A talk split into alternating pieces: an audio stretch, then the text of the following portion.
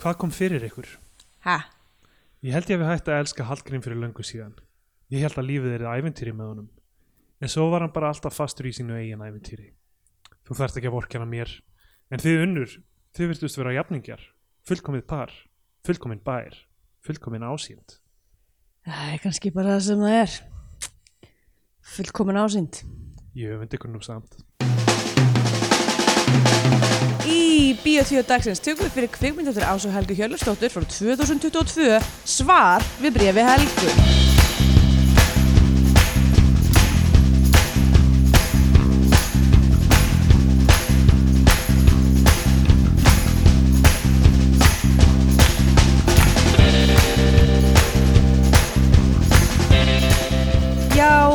Og sæl og velkomin í Bíotíu hlaðvarpið um íslenska kvikmyndir. Ég heiti Andrei Björk og hér er Stendur Hvitar. Góðan daginn. Hér er Steindór Finnst þér ekki fyndi hvernig hérna Ó já, fyrir ekki, og við erum hlaðvarpið um íslenska kvikmyndir Það ég að segja það líka Ég held að það hefði sagt það, ég veit það ekki. oh, Jésús, uh, já já, maður er nývagnar og við erum ekki búin að gera þátt í svolítið tíma Hvað er það sem þið fyrst fyndið? uh, Þegar að þjóðverjar svara í síman þá segja þær Halló, hér er Hans Já. eða, þú veist Hér er, hér er Andrea. Að þú veist, maður er í sím ég veit ekki Já, að hvernig mér finnst það svo fyndið út af því að þú veist, þú ert í síma þú ert ekki þú veist, á staðnum þú veist, hér já, já, þetta er smá eins og lagið þarna Hér er ég, hér er ég, Góðan daginn, daginn, daginn. Hvað lag er þetta? Fyrir? ég veit ekki, þess ég veit hvað læt er en, Mam, mamma, nei, þetta er ekki það. Mamma segir, pappi segir, þetta er ekki það já um, Nei, nei, það, nei, það er alltaf, það er hæ hó, ég laka til hann að fá gjafirnar. Það, Pappi segir, bráðum koma dýrlega jól. Sama svona melodía, eiginlega. Já, ég held að það sé allt sama setið. Við töluðum við ekki um hérna túkalla bönir fyrir ekkert Jú, svo jú, við tölum um það.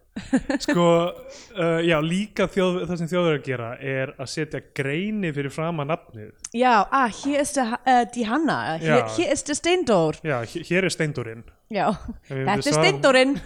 Þetta er steindurinn sem talar kannski er þetta bara svoleiðis kannski er þetta svona stæla dæma, Já, dæmi. getur verið. Erlavana, ég, hérna, ég hef stundum prófað þetta þegar ég er að svara í síman mm. Hér er því Andrea. Ekki því, ekki því, ég segi hér er Andrea. Uh, og uh, en það ringir bara aldrei inn í mig sem er eitthvað, að já, þetta er Andrea. Já, uh, heldur segja þau uh, þú die Frau Andresdóttir? Já Þú ættir að segja það bara, hér er stí Andrea Björk Andrúsdóttir Já, það er auðvitað að fara að hjálpa öllum með nafnum mitt. Herri, já, já, það er komið nýtt ár. Já, heldur betur. Fyrst þáttur ársins þó að, janúar sé eiginlega búinn Já, einmitt. Uh, Þannig það er eðli þess að vera með þátt eins og í mánuði. Já. Og hvernig horfir nú árið við þér? Árið horfir ágætlega við mér Ég uh, er búin að vera uh, þurr.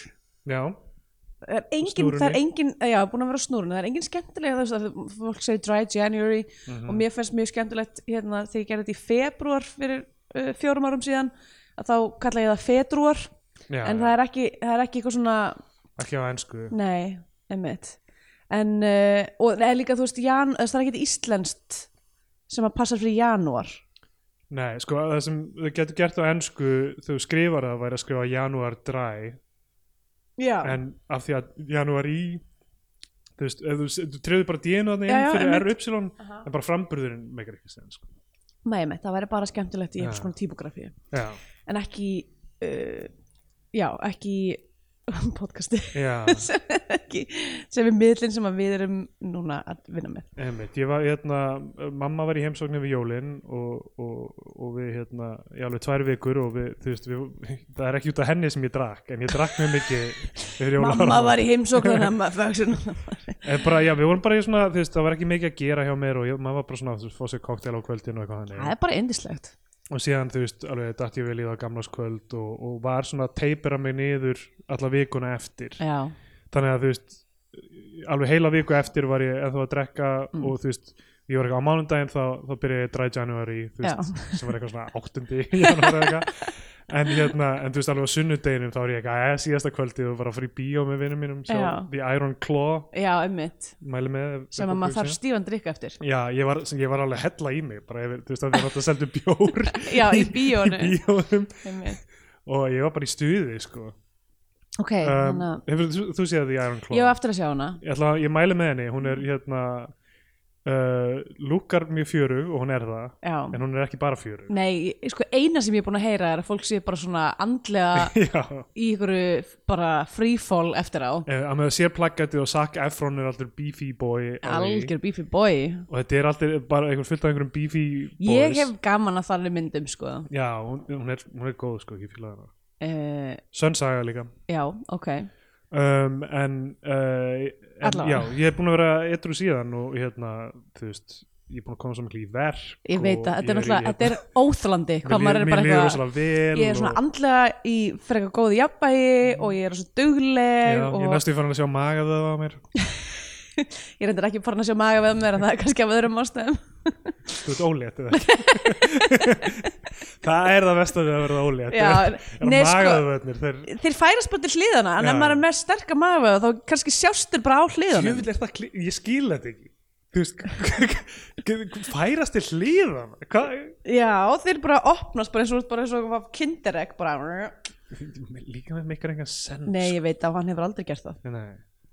Nei, ég er ekki ólétt, uh, ég er hins vegar trúlofuð þannig já, að til að það gerist á áramótunum og uh, já, það er bara gaman það er bara gaman, já, um, það var þú gaman varst það að sniglast um að taka myndir af því. Já, það var partí hér og, og þetta gerðist beint eftir miðnætti og ég hérna, vissi af því Já. og fór að gæjast fyrir hot með, með myndavélina Já, emmitt um, Já, fyndnast að við þetta allt saman er uh, eiginlega það að unnusti minn uh, var búin að stilla tónlistina sérstaklega fyrir, fyrir þetta moment sem er- var lagið tilbreyðið við fegur já, já. sem er betur þekkt sem Ungfrú Ísland lagið. Hann hefur alltaf líst útlitinu þínu þannig það er tilbreyðið við fegur það er ekki fegur en það er svona eitthvað riff. Það er eitthvað riff á fegur uh, Mér finnst eitthvað ógeðslega að fyndi við að hérna, fá bónorð við Ungfrú Ísland lagið það verður að setja það í lok þáttarins. Já. En það var reyndar líka sko, það var líka stilt til þess að, sko, að hérna, það færi í gang að því að á myndu tvö fer það svona aldeilis í gang. Já, já, já, og það var, hugsunum var að það myndi lenda á einmitt. þannig að það var, þú veist, ég veit ekki hvað Jón var að pæla en ég held að hann hafi meira verið að hugsa um það fyrir miðnætti og ekki fyrir, þú veist, þegar það kemur eitthvað svona eitthvað svona rólegur syndakabli í lokin það bara vildi þannig til að það var mómentið. Sem hann fór að skilja romantíst mjög sætt. Um, já, Það var ekki gaman að hafa veist, fullt af fólki heima þér til að fagna eftir það jú, einmitt. Að þetta hafi verið svona prívat moment þá þá var, einmitt, þá She said yes! Eitthvað svo leiðis, já, ég veit ekki. Ég hafði svo sem aldrei pælt í neinu af þessu áður þannig að því ég hef í mörg ár bara svona mjög eh, svona flippandli verið eitthvað, já, já, þetta er flott fyrir annað fólk en ég trú ekki alveg á þetta, hérna, Já, já. dæmi. Samar þannig að, uh, já, ég veit ekki það var bara allt saman mjög gaman. Smá saman er alltaf þessar rauðu línur sem maður er búin að draga í sandin nákvæmlega, veistu Um hvað ég var að gera í gær? Veistu hvað ég var að gera í gær? Ég er að íhuga það að kaupa mér sumarhús í Brandenburg. Vá, aha, ok, uh, með vinkunum mínum. Ok. Við landaverðin á Pólandi Vá, um, já, ég veit ekki hvort það sé að fara að ganga upp en við ætlum að fara að skoða það mögulega. Uh, já, eins og þú segir, þessar Já. línur þar eru bara, er það einhver, Var það einhver lína? Eiga aldrei sumarbústað? Nei, það. Er bara svo mikið svona, þú veist, normkor að, að eitthvað eiga sumarhús veist, í Brandenburg. Eina, eina sem ég finnst eitthvað svona þú veist, að því að þetta er málega er, þetta er fárlegt þú veist, þetta kostar 5.000 efrur Já, einmitt, já, þetta það er bara eitthvað svona, sko. þú veist, jafnvel þótt að þetta sé kannski ekki góð pæling, þá er þetta bara ekki það mikil peningur og maður er eitthvað, já, við þurfum að hugsa okkur vandlega um þetta bara eitthvað, að ég menna, þú veist. Já, já. Þú veist- Það kostar hvað, hvað 750.000 íslenskar eða hvað? Já, og, stu, og við, ef við skiptum því með mill okkur þryggja þá, þú veist, Já. þá er ég að fara að borga eitthvað 250 skall Nákvæmlega, það, fyrir sumarhús. það, a- annað eins bara borgar maður fyrir eitt stutt frí, sko. Já, nákvæmlega. Þannig að, um, en þetta er auðvitað fisk, fixar upp er sko. Já, já, um, En allavega uh, hvað ætlaði að segja annað? Ef þið vantar ykkur að hjálp við að, að laga það, það bara vona ég þú finnur hana. ok, takk takk, takk hérna, hvað ætlaði að segja uh, já, eina sem að ég svona, eina sem að ég er mögulega svona smá fyll á þessu plani eða þú veist, við verðum að komast að við verðum að kera þanga og sjá hvernig landið liggur er að gæti verið að sé allt morandi nasistum þarna Já, já. Þú, segir það svona, hljómar er svona termítar í vegginum, við þurfum að, að fá henni eitthvað svona sérfræðing til þess að svona mikla og, og meira á samfélaginu frekar en á, á húsinu sjálfu, sko. Þannig að assistanir er ekki, þú veist, bara að hanga á landregninni. Nei, nei, nei, nei, þeir eiga heima þarna líka já. eða eru líka með sumarhús þú veist, þetta er nákvæmlega. svona sumarhúsabygg þannig að, já, helvitis. já, maður þarf svona að fara að keira hægt í gegnum hverfi og, spotta hvaða fánar eru uppi. Einmitt, allt því ég fór, fyrst, fyrst skipti sem ég fór til hérna um, Rostock já. uh, sem er þannig í norður, við norðurströnd uh, Þískland Þa- þá mér tók ég eftir ég hugsa svona, vá hvað er mikið að þýskum fánum? Ég held ég bara aldrei séu svona marga þýska fána hérna. Og bara síðan í fluttinga alltaf, akkur er allir svona miklu þjóður og, að, nú, ok, nú þegar ég segja Já, já, já. upp átt Einmitt, það er, sko, málið, veist, að, að flagga fánanum sjálfu sér ekkert eitthvað, nei, veist, maður, maður er svona, samt alltaf einhvern veginn eitthvað, hm, af hverju er það þessu? Eitthvað, Já, þú veist, einmitt. og af hverju er það þessu með svona marga aðra í kringu við líka að gera Einmitt, þetta og, nákvæmlega. og það byrjar einhvern veginn samhengið byrjar að, mjög, mjög svona no- normal skoðanir þannig séð byrja að verða skrýtnar með samhenginu, sko. ymmit og svo svona, er svona það sem að svona keirði þetta heim fyrir mér, var við fórum í bara hérna uh, vest, veist, fórum að kaupa í matinn og þú veist hvernig kerrunar virka þær eru svona fastar saman með þú veist, maður þarf að borga eina evru eða tvær evru til þess að losa kerruna og hérna uh, og svo þegar ég var að skila kerrunni þá, og festan aftur að þá kom út úr staðan fyrir ein evra svona AFD coin. Ugh, þess að alternativ fyrir Deutschland uh, ný, nínasista flokkurinn hérna já, og það var eitthvað uh, en sniðið samt að gefa svona coin. Já Ok, þannig þú, þú veist að slá í rauninni mynd sem þú veist að öllu leiti er svona uh, stærð og einhvern veginn þyngd uh, einnar efru penings sem að sem þú getur, getur síðan bara notað í alla sjálfsala og eitthvað svona. Ég veit ekki hvort það virkar í sjálfsala en þetta passar allavega inn í þetta dæmi. Já, en ég veit ekki, kannski, kannski er þetta borderline ólulegt já, já, ennmitt Ef þetta, er ekki, þetta var ekki, þetta er úr plasti sko. Hvernig virkar þetta með þú veist eins og seðlana sem maður setur inn í sjálfsala Hvernig eru þið hvert fara þeir? Hvað gerir fólk við það? Nei, þú veist, hvernig eru þið veist? Það er, ekki, það er ekki bara veist, stærðin á þeim eða þyktin á þeim heldur, veist, það er einhverjur það er lengdin sem skiptir máli.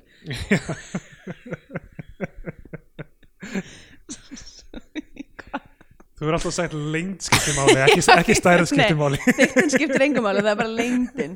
Ég vil mína seðla mjög langa og mjóa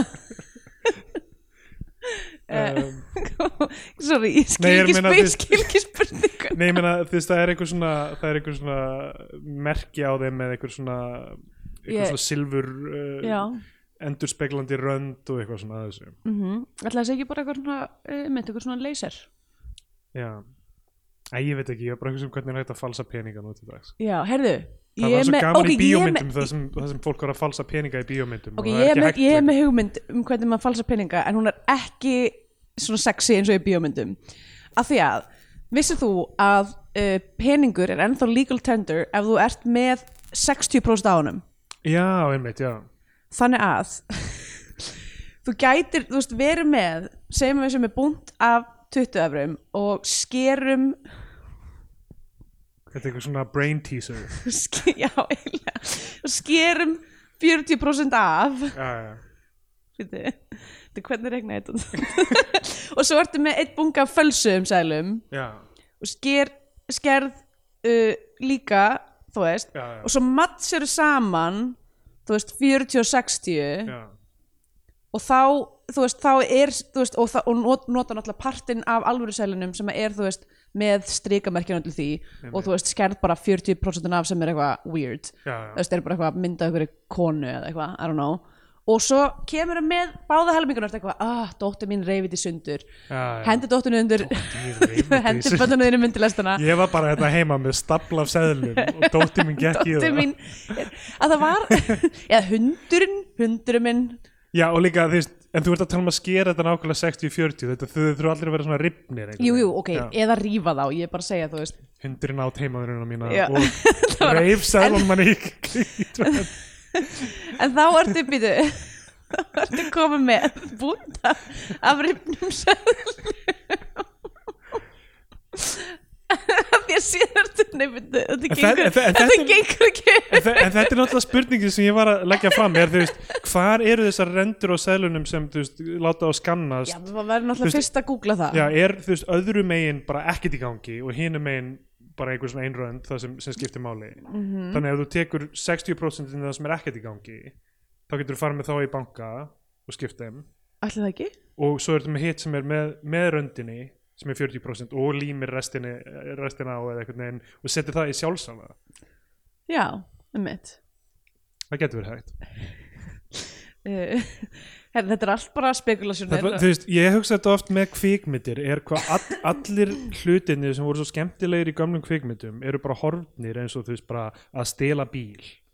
Hvað, Það- enginn bíl lengur? þú getur ekki uh, svona um, hvað heitir það, jumpstarta bílum lengur. Já, emmitt, út af því þeir eru ramags Já, þeir eru eh, rafmagn og þeir, þú veist, þú þarfst að eru vera með- bara síma. Og veist, þetta er vera, hættir alltaf að vera visuált og verður einhvern veginn bara stafræn mm uh, og saman með þú veist eitthvað falsa seðla og svona og allir þessi glæpir sem voru þú veist einhver svona cons sem þú fóst einhvern veginn einhvern stað og, og þurftir að segja eitthvað og fá eitthvað og fara eitthvað annað Já. núna er þetta allt bara gert með einhverjum tölum sko. Þetta er gert með að Já. senda út einhver fjölda e-mail og fiska einhver password og eitthvað emmitt þetta er ekkert visual lengur þetta er allt Nei, svo einmitt, þetta er allt saman, þetta er- gerist allt Já. í eh, tölvu eða síma, já.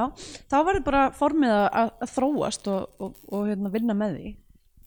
einmitt, það, það hægt að gera þetta með, með TikToks en ekki með kvikmyndum sko. Ha? Um, bara með því að þú veist, screenshota það sem er í gangi á skjánum. Þú veist, ef þú gerir svona videorekording af skjánum og síðan svona, svona get ég Já, einmitt, nákvæmlega. fiskað password. Já, svona ger ég það. Já.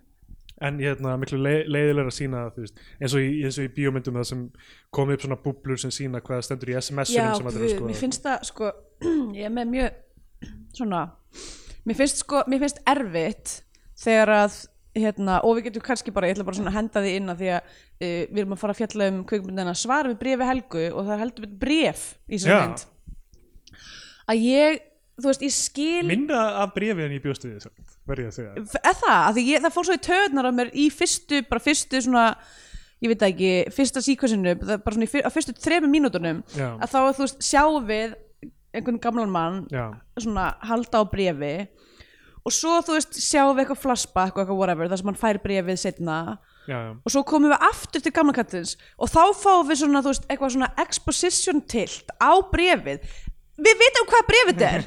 Við þurfum ekki, við þurfum ekki að sjá veist, og það er fyrsta leið, það er enginn að fara að pása og lesa brefið veist, já. ég bara, eh, sko, ég skil stundum illir nöðsinn, þá þarf maður að gera eitthvað svona pop-up, eitthvað svona blú, blú, Já. SMS eitthvað.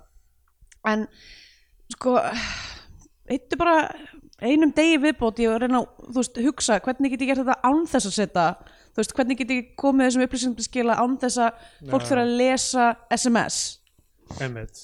Um, og það er líka við erum öll svo ein einhvern veginn miklu meira ein en við vorum þú veist, við erum miklu meira ein með sjálfum okkur hérna, mm, þú veist, að eiga samskipti tæknilega séð, sko. já, þú veist, það er miklu minna um að fólk komi saman til að eiga samskipti. Það er svo föst í símanum okkar. Með nefið stærnandaskjáin já, já. En, en þú veist, já, að, að stafrænu samskiptilegina, þú veist, þannig að það verður pínu skrítið ef í bíómyndi allt í nú þá þarf að kalla saman einhvern fund eitthvað sem hefði geta verið tölvupóstur sko. að það nema einhver segi fund, á fundinum eitthvað, þetta þessi- hefði getað verið tölvústu Já, nákvæmlega. Það verður svona eitthvað klísja í bíómyndum um, Já, ég sko, ég er, ég er svolítið hrifin af uh, hljóðskilabólum skilabólum já, einmitt, nákvæmlega. Mér finnst það svolítið svona eða, veist, að, fyrsta leik kannski bara því að ég, ok, ég veit að ég, sumum finnst þetta mjög óforskammað Já, en stundum meikar alveg sens ef þú ert eitthvað svona að reyða hjólið þitt og getur ekki skrifað eða þú veist, ef þú ert eitthvað með hendur fullar af einhverjum innkaupum eða eitthvað, þú veist. Og svo líka, eða, sko, sem form líka að það finnst mér eitthvað svona smá fallet að því að maður tekur það upp einn Já, yfirleitt. Og það er þú veist sem þú veist device í, eða, í mynd að þá er þetta svona tækifæri rauninni fyrir sko mannsku til þess að svona soliloquiza já, já. Þú veist, og hérna, þetta var alltaf í bíómyndum sem uh, svona answering machine já, message sko. það var alltaf ekki, ó ég misti á þér en hérna þú þurft að vita þetta og bla bla bla. Uh, en, en sko líka voice message formið það, það er svona conversational af því að þú veist, þegar ég ger þetta sem er mjög sjaldan um, stundum nýtist það, þú veist, þegar maður þarf einhvern veginn að koma einhverju til skila. Sem að er úrslega leiðilegt og erfitt að skrifa. Já, og maður vil koma tóni áleiðis og eitthvað Já. þannig og þú veist þú veist, ég fekk eitthvað í, í, í gær sem var bara, ah, maður ekki bara senda þetta voice message? Og þá var það bara útlistun á einhverju og ég Já. bara sagði, ok, svona horfir þetta við mér. Já, og það var fínt. Mhm, og, og síðan restin voru bara skilabóða en, en þá, þú veist, saman koma að planar það mikið árum að byrja að taka upp þá sem ég liðast það í sundur svona já, tíu 100%. sekundur inn og maður sem er eitthvað líka fyndið, að þá er maður síðan, er maður eitthvað uh, ó, ekki skritin fugl fyrir utan, allavega, hérna já, uh, við verðum átta í mat uh, ég kem með eitthvað svona já, já. þú veist, en mér finnst það mér finnst það skemmtilegt, sko. Það sem hérna, myndin hefði náttúrulega átt að gera að voice message stað- frá Helgu. Maður nútíma færi þetta voice message svar við voice message í helg setja þetta í nútíman já, hann er bara, ó þetta voice message er búið að stara á mig alltaf þessa áratvíi Þess, þá geta hann alltaf verið að hlusta það aftur og aftur. Já. Emi, það, er, það, er líka, mér finnst þess að ég hef séð það í fleiri en einni myndi af þátt, þáttum það sem einhver deyr já, og manneskinn er alltaf að hringja í, í talhólf manneskinnar bara til að það hlusta á röddinar í Fleabag uh, ég hef ekki séð flýbak Já, ok. nei, það, Ok. ég hef ekki séð það þar. En ég hef séð það einhver stærn annars þar ok. Um, já hvað ég var að fara að tala um Svar við brefi Helgu? já. Já, Uh, það. sko, já, annað með sko náttúrulega bréfið er að þú veist, í stafrætni kvikmyndatöku núti dags, þá þarf að hérna skrifa öll þessi bréf og veist, þetta er það sem málið með Zodiac.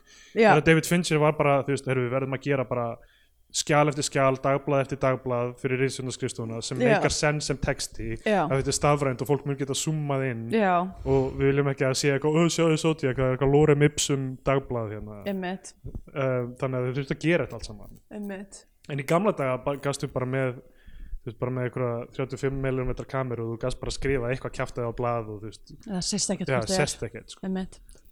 Og hérna Ég að ekki ég vilja eitthvað ífa upp þetta stafrænt versus analog dæmi þá náttúrulega þú veist, það, þú veist draumkenda elementið sem er við sjáum ekki emmitt sem 35 mm, eða þú veist, filma yfirleitt byggður upp á er náttúrulega svona mjög góð fyrir kveikmyndagerð einmitt það er náttúrulega líka bara, þú veist, linsu val algjörlega, algjörlega. Getur bara ákveðið að myndið þín sé mest megnis úr fókus.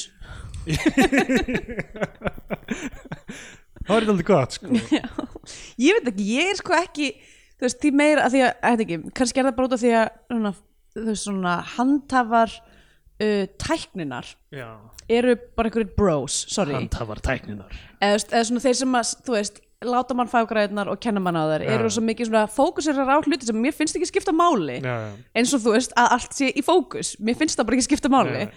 þannig að þú veist, en ég er núna svona komin á stað það sem ég bara eitthvað, já, já, ég ætla bara að vera, þú veist, mér langar mér finnst handheld skemmtilegra, mér finnst uh, ekki fullkomlega fókus skemmtilegra. Mér finnst, þú veist, eftir að þú veist, allir og litli frændi er að gátu fengið sér eitthvað svona rafmakstirinn gimbal, já, já. þá finnst mér bara ekkert óslega mikið spennandi að allt sé óslega smúð já, já. um, Þú hefur elskað þessa mynd þá, hún er öll handheld. Já, ég reyndi ekki að hugsa alveg um það ég var bara svona, ok, hérna eru þú veist ákvarðanir. Já, já, já, ég er alveg til í það.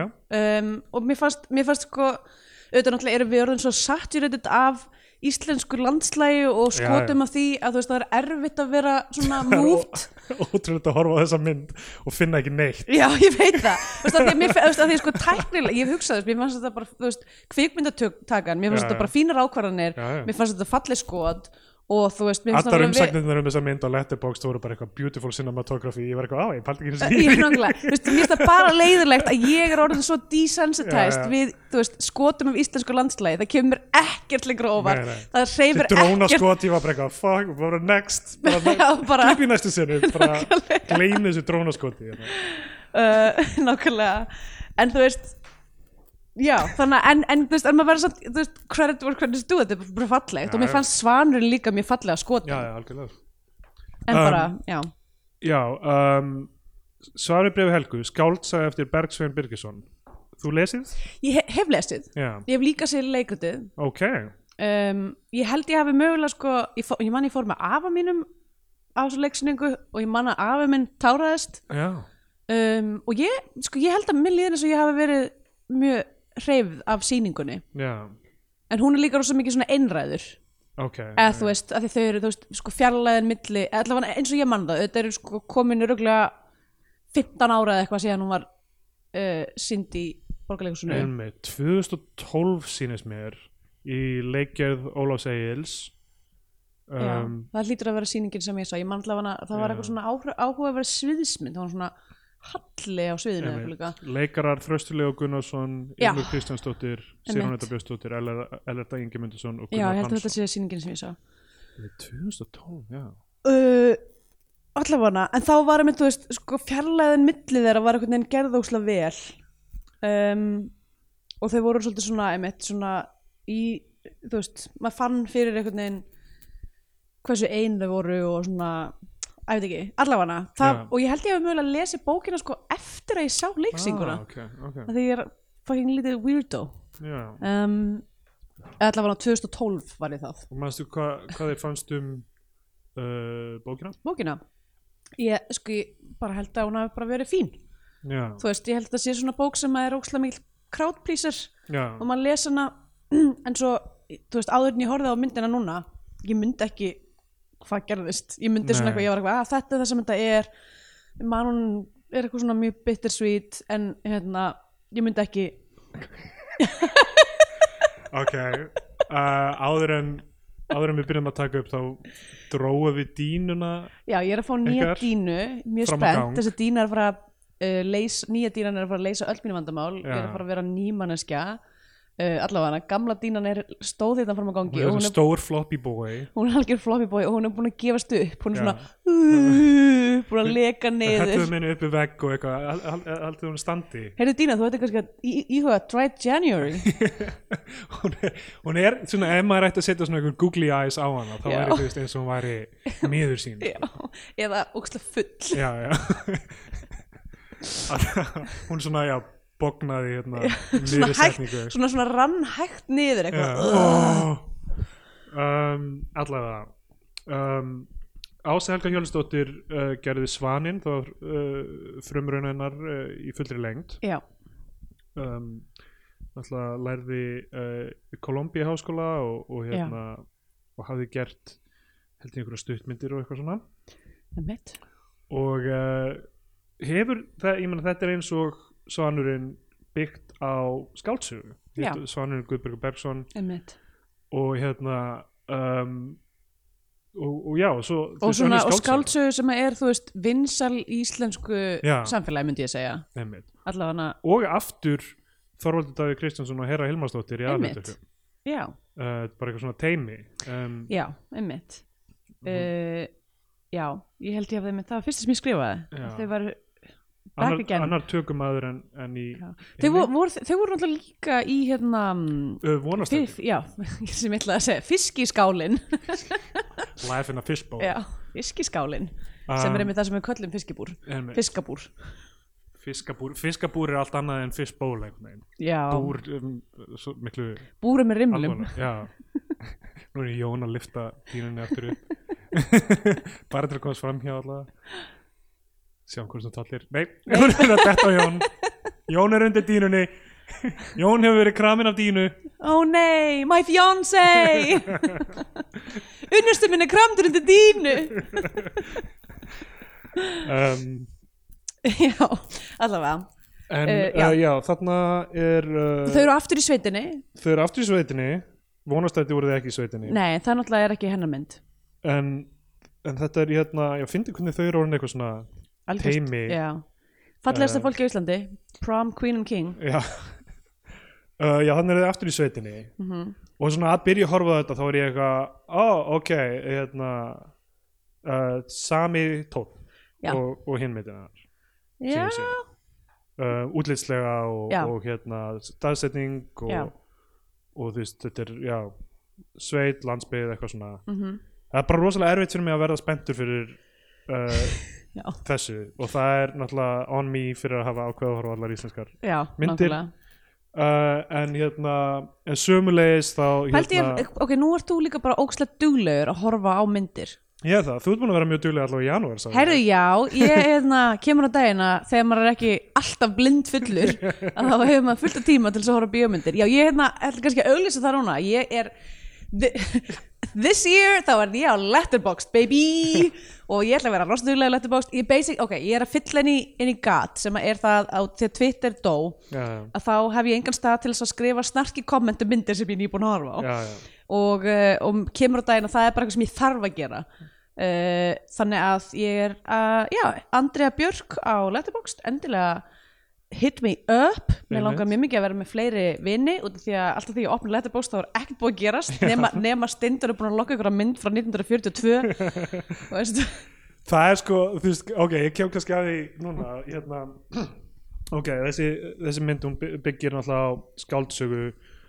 Við gerum mjög mikið af því sem Íslandikar að byggja hluti á skáldsögum. Já, við erum alltaf mikið bókaþjóð. Ég, hérna, þetta er bara í grunninn það er ekki það að þú veist að fullta myndum sem virka út frá skáldsögum al algjörlega sko. Mm. og ennþá fleiri sem virka út frá bara bókum þegar það er non-fiction bækur og allt það. Mm og, og það í sjálfu sér er ekki uh, er svona í heilt yfir og þessi komment kannski eru meira svona heilt yfir íslenska kvikmyndagerð og mikið af þessu. Já. þetta er, ég veist þetta er ekki einn á móti einum með eitthvað svona form sem bara, ó þetta er góð saga þess vegna er hægt að Einmitt. adopta hana í kvikmynd. Uh, og í þokkabót hafði ég bara kvöldi áður en ég horfði á Sárið brefi Helgu sem fjallar um uh, framhjáhald já, hafði ég hort á bara svona upprunalegu framhjálsmyndina Brief Já. Encounter já uh, en það er náttúrulega engar lestir á Íslandi nei, nei sem þú veist uh, David Lean mynd sem er einstruktúr eru það að því leiti til að þú veist það er svona uh, ekki alveg einstruktúr en það er svona við sjáum flashback já, fyrst, fyrst sjáum við bara ok, hérna er þetta búið og Mhm. síðan sjáum við hérna söguna eins og gerðist og síðan Já. aftur bara momenti það sem þú þarft að horfa tilbaka yfir það sem hefði geta orðið. Já, mitt og hérna og hún er bara það fullkomin í rauninni. Ég að segja þessi sögur náttúrulega í einhver svona stiff upper lip, lip post-war Breitlandi sko. já, já, uh, en hérna og, og svo horf ég á þessa sem er gerist tíu árum áður cirka mm. og, og ég er eitthvað svona að, ég, hérna, ég var að sjá þessu já, mitt já, þú eiginlega fyllin er þinn að hafa já, einmitt þú veist, erfitt að standa saman við veist, þessa hérna, klassísku mynd sko. en já, einmitt, en nú einmitt, af því að þú ert svo dulur að horfa myndir. Þegar þú ert búin að vera að horfa myndir ef þú heldur þínu vi, vi, í sama horfi og þú ert búin að vera að gera heldur þú munir bara aldrei hreyfast af mynd þú veist að þú ert bara eitthvað, ah, ég meina þetta er bara nákvæmlega eins og þessi mynd sem Nei, það er nefnilega máli, hver einustu viku horfum við á eitthvað sem alveg, í gær, gærkvöldi horfði ég á Insomnia, hérna, því að þú er búin að tala svo mikið um hana, ég mitt, upprunlega, norsku, upprunnilega norsku, já. Já. hvernig fannst þér hún? bara rosa góð, sko, Já, eða bara, ég var bara eitthvað, vá, hvað, þú veist, Skandinór nútímans, bara, er, þú veist, að, kemst ekki hálfkvisti við þetta, ég veit það, hún er miklu einmitt, eitthvað svona hellaðar og ljóðurætni og Já, þú veist, og bara, þú veist, og líka, þú veist, form og funksjón fara svo vel saman, sko, einmitt. Af því að, af því að, hérna, klippingin og kvikmyndatakan ítir undir þetta, hérna, Insomnia element, Já, og, svo er Stellan líka bara svo ekki að já, Stellan er bara, góð, hann tekur bara hvaða línu sem er og bara einmitt, getur hann upp. Bara hann, fer, hann er eitthvað að byggja um teip í afgræslunni já, how to tape. Tape, já, tape. Það líka fyndið við hana er að hún er náttúrulega hérna, gerist í Noregi. En hann, hann- er sænskur já. og það er bara einhvern veginn látið ganga upp. Já, veist þetta, sko, ég veit ekki hvort ég veit ekki hvernig lögregla virkar í nei. en í bíómyndum allavega er alltaf verið að senda ykkur hotshot löggur milli landa til þess að díla við hluti. Þetta, ég En ég meina það var alltaf þessi vestu tískarlögga sem maður mætti Guðmundur veist, ég hef ekki heyrt þetta lengi á Íslandi að það hefur komið einhver svona alþjóðlega lögga til að díla við eitthvað mál sko.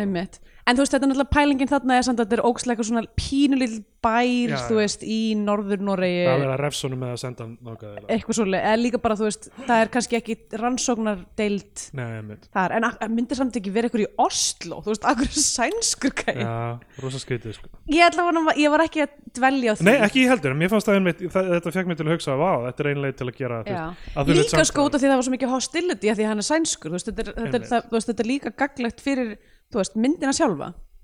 algjörlega sko um, mér fannst það bara ógeðslega góð og bara hérna það í hverja einustu viku horfi ég eitthvað sem reyfi við mér og, og bara, ég er bara stanslust blown away af kvikmyndagerð. Um, hérna ok, og aftur að svarfum fyrir velgu. Nei, ég ætla, ég ætla að segja með svo, þetta alþjóðlega samstarf sem einmitt þarna, þú veist. Nost Science og eitthvað svona og síðan endurgerð sem uh, Kristoffer Nolan mynd. Já, þú veist, að, að hérna, þessi hérna, svarubrifi Helgu er framleitt það er íslenskt, hollenskt og eistnest teimi teimi mm. og, og ég bara, þú veist, ég er alltaf að reyna þegar ég sé það, þá er ég alltaf bara hvernig? Hvað, hvað gerðist? ég veintarlega, já, hvernig, hvernig bara er ekki fólk bara eitthvað á hátíðum og þú veist, og það bara einhvern veginn þú veist, venjulega er það, þú veist, af því að, ok, einhver eftirvinnsla fer fram í þessu landi. Já, eða, þú veist, Eða, þú upptökur veist- fara fram einhverju leiti í þessu landi já, en virkar það samt ekki ef að þú veist, ef þú ert með til dæmis bara teim, þú veist, cinematografíu eða eitthvað svona, þú veist, eitthvað Ég- frá öðru landi að, að, eitthvað sko að það hefur greinlega virkað þarna af því að þarna eru sko er hollenskur tökumæður Mhm. en svo er finnskur klippari en, en e- eistneskur styrkur já, þannig að ég veit ekki, kannski er hann finni sem býr í Íslandi eða þú veist eitthvað en, en, en ég er alltaf svona geðið forvitin með hvernig þetta hvernig þetta þetta eiginlega. púsluspil gengur upp þú þart pening úr rosalega mörgum sjóðum til þess að gera, já, þetta er- svo mikið hérna um, prójekt einhvern veginn að fjármagna svona myndir. En allavega um, tölum við myndina. Já, um, hún byrjar á því að Þorvaldur Davíð er með bréf. Já, hann er að lesa bréf já. hún heitir sko uh, á ennsku A Letter from Helga. Já, en ekki an answer to a letter from já, Helga. a reply an, auto, an office out of office, Out of auto, office reply. auto reply to Helga. Um, og hérna um, ég, ég hugsaði alltaf um bréf til Láru þegar ég sá þennan titil þegar þessi bók var í gangi. Já, einmitt. Það er bara, ó, þú skrifar íslenska bók sem er eitthvað svona bref, bref til Láru og svo er svar við brefi Helgu. Og ég var alltaf eitthvað, ó, ég einhvern veginn gerði ráð fyrir þetta að vera eitthvað svona take á bref til Láru. Já, sem er allt annað. Já, allt annað. Og bók sem ég hef lesið. Já, en, en hérna en hún býtir bref til Láru er raunveruleg. Já, já, hún er, veist, hún er, hún er veist, non-fiction í rauninni. Já, nákvæmlega, einmitt. Það er bara einhverja hugleðingar sko. já, um, en já um, allavega, Þorvaldur Davíð er með þetta bréf. Hann er, þú veist, hot uh, ekki kannski ungur en þú veist 35, í Ég- mínum aldri. Já, einmitt. Já, 35-40 ára skeggjaður bóndi skeggja með mjög mikið skegg. Uh, ég sko bara verð að segja að ég var ána með það að uh, að hann var svona hann var uh, nægilega sveitó fyrir mig. Ég var Já. ekki viss um að, að það myndi ganga að láta Þorvald vera einhvers konar einhvers svona, einhvers svona bóndakall. En mér fannst hann alveg sannfærandi bóndakall. sko, sko mér finnst mér, ég strax þurfa að nefna búningana þú veist, og þú veist, þetta er náttúrulega þetta er að mörguleiti mjög svona naturalistisk Mhm. framsetning. En, en fyrir mér er þetta allt eins og geisis já, auglýsing já sko mér fannst Þorvaldur vera ganga upp en mér fannst sko konurnar allt of fínar þú veist, allar þessar peysur sem gæjar er í kosta eitthvað svona 50 þessu kall. Já, já, einmitt. Uh, og þetta er, þú veist fyrir stríð já, til 40 og eitthvað kannski. Já, uh, fyrir hernám byrjar þetta örgulega mm. eða þú veist, eða k- kannski er hernámið svona já hernámið er í gangi á meðan allavega því á einum tímabundi þá stingur Helga upp á að hann kom með henni í borgina og vinni fyrir, fyrir herin þannig að það er örgulega svona nýtt, nýtt tækifæri cirka já, um, og bara og, a, þú veist, stjætt er eiginlega ekki beint stjætt, ok, stjætt er smá koncept að því leiti til að hann, hann er svona óðalsbóndi þannig séð sko já. en mér finnst það ekki koma fram mjög myndrænt svona í hvernig fólk klæðir sig Nei, nei, eða, eða þú veist Já, slíkt, það er sko. ekki, það er ekki eitthvað svona sagfræði búningahönnur nei, nei. en þú veist, ég er ekki að segja að það þurfi að vera þannig Nei. í bíómyndum en það er gaman þegar það er já, þú veist, mér finnst það alltaf hefði átt að vera aðeins meira grós í þessari mynd sko. Já, þetta hefði átt að vera aðeins meira nasti sko. af því að veist af því að þá skil maður líka aðeins betur þú veist, fyrir helgu þá er það, og, og ég er komin langt fram úr okkur núna, en það fyrir helgu að, hérna, sem herra Helmastóttir leikur Já. að falla fyrir Þorvaldur Davíð og sjá möguleikan og hann einhvern veginn svona já, já, dræja hann upp úr smá, þú veist vesæld, já. væri kannski eitthvað svona element líka, já, en ég man en það er kannski bara ekkert í bókinni ég er ég held algjörlega- ekki sko en, en þú veist, en það er samt ég meina það er búið að, samt að leggja borð fyrir okkur að hann er eitthvað svona eitthvað svona, þú veist, formaður hýraðsnefndarinnar eða Já, whatever já. og eitthvað svona bærin hann er hans með eitthvað smá völd veginn. Einmitt nákvæmlega og, og hérna en svo er, einmitt, svo er ekkert svo mikið í gangi með hennar svona, eða smarir eitthvað, ok, hún er með eitthvað hestatamninga eiginmann sem er alltaf fullur, já, þú veist en ég skil ekki alveg þeirra svona um, já, hvað maður að segja félagslegu stöðu sko. Nei, nákvæmlega, en ég held, ég held að það sé samt sko já, ég veit ekki ég held ég hef bara einfallega mín þekking á um, á hérna, svona dýnamíkinni í svona sveit á þessum tíma. og því ég veit dæmis, mér varst sko lesklúburinn er, hérna, er rosalega, það er rosalega svona sagfræðilega rétt. Einmitt þú veist, það, þú veist, eins og bara í sveitin, í sveitinni minni þá var einmitt héraðsbókasafnið Já, í, á bóndabænum fjölskyldunum minnar. Og það var bara, fólk var bara alltaf að koma á héraðsbókasafnið, þú veist, já, já. og það voru bara allir í sveitinni líka, þú veist, líka þetta áttu er heim þetta ykkur þrið, þriðja hólu rými sko, sem fólk var að fara í áður en allir festust í símunum sína segi það, Hva, hvar er héraðsbókasafnið? einmitt. Það er á netinu. Já, nákvæmlega. Mér er þess að bókasöfninu er komin á netið. er mjög sorglegt allt saman um, en, hérna, en, en þetta gerist í einhverju svona ónefndum fyrir því hmm. og uh, mín tilfinningi var að einhvern veginn allir væru frekar vel settir í þessum fyrir því sko. Já, emmitt, sem er skrítið því Já. þetta er á að vera stríðsárin að þetta er stríðsárið, þetta er bara prímarsjál aðstóð og, Já. hérna, og við erum nýbúin að horfa náttúrulega á hérna, uh, hvað heitir hann aftur heimildamindin Eh, þjóð í hlekkjum hugafarsins Já, einmitt. ég segja, hvar eru börnin sem er með að lemja í, hérna, í eitthvað döðlur? Nákvæmlega, hvar er öll mistyrmingin á bara Já, veist, öllum?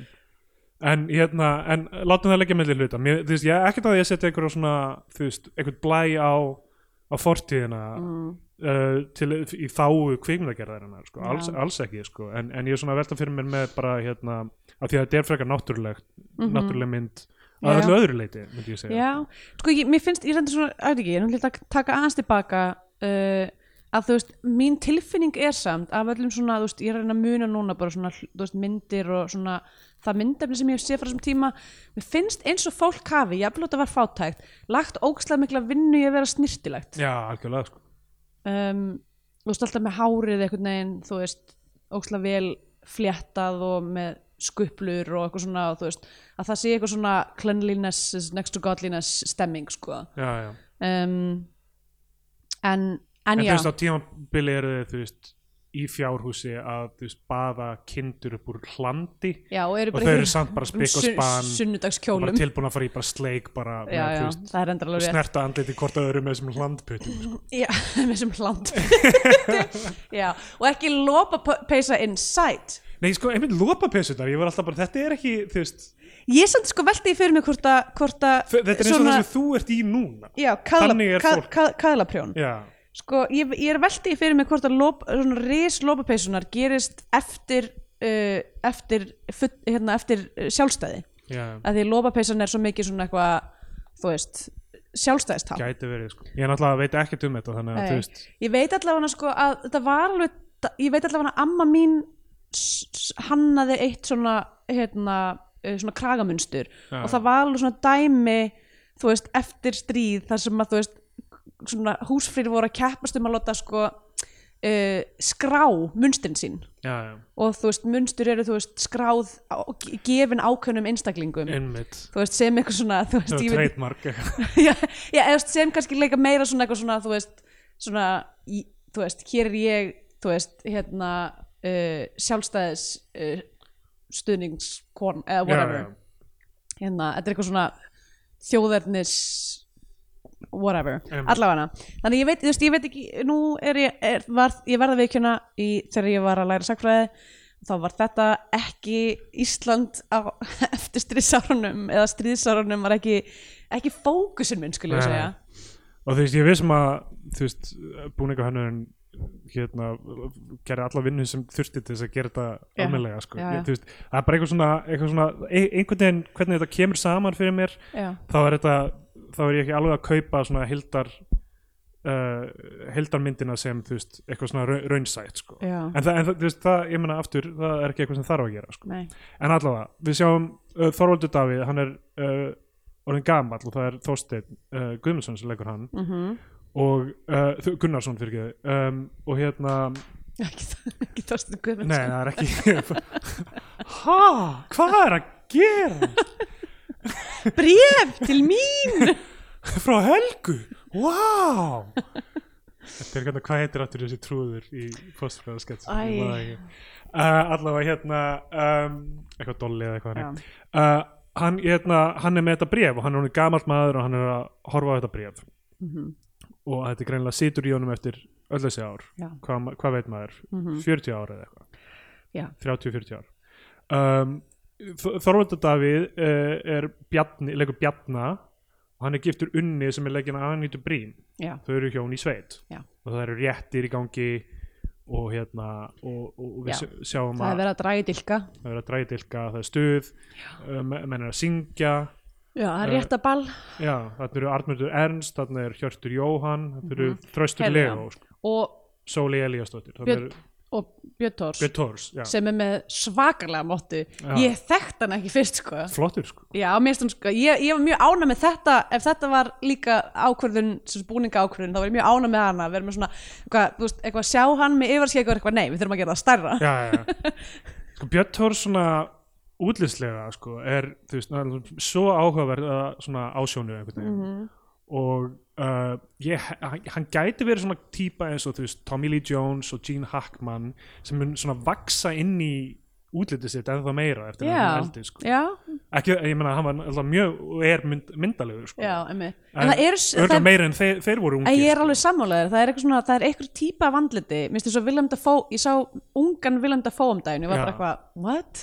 Úf, mér, mér fannst hann, svínvirka í þú veist, í hérna Veist, uh, ég, To Live and Die in LA og í hérna já, að hann sé, Streets on Fire sko. bara, mér, mér finnst hann bara svona passa betur í andliti sitt aðeins eldri. já, já, hann er alltaf já, bara algjörlega ber árin á sér einhvern veginn núna já, það er eitthvað svona en hann er svo fitt já. Willem Dafoe er bara þú veist það er ekki bara arða fytu á hann hann Einmitt. er bara svona wiry sko. alveg mjög ég veit ekki einhvern tímann sagt að ég hef hitt hann Mér kannast við það en mátt segja sögun aftur fyrst ég maður það ekki þá, þá getur verið að enginn annar minna nei, bara þegar ég bjóði í New York og hérna fór á uh, tónleika hjá Anoni.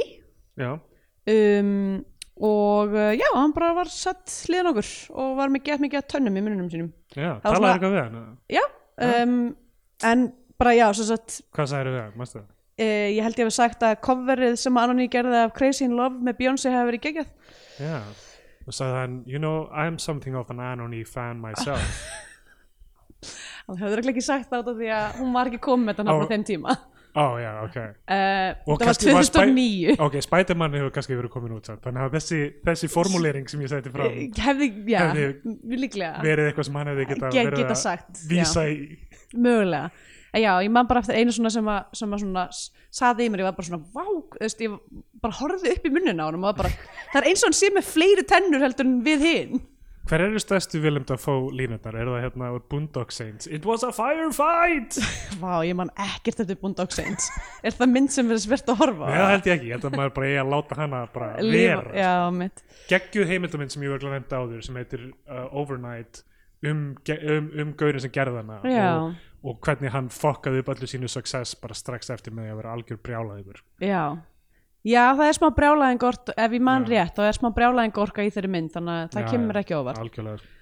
Allavega, það eru réttir í gangi. Hera, Hera Helmarsdóttir leikur Helgu sem er gift Hallgrími sem Björn Tórs leikur og hann er dálítið svona drikkjumæður sko, og er strax svona dálítið fullur. Hann er að tala um eitthvað "Ah, Heyrðu, Hvað má ekki lengur detta í það í réttum? Hvað, þú veist, hvað Við er vitum, ekki- já, þetta er ekki janúar þannig að maður og hann, hann, hérna, hann er eitthvað svona að við kynntumst á balli og síðan hefur lífið verið stanslust ball síðan eitthvað svona, hún er eitthvað svona hún er eitthvað, já, sure.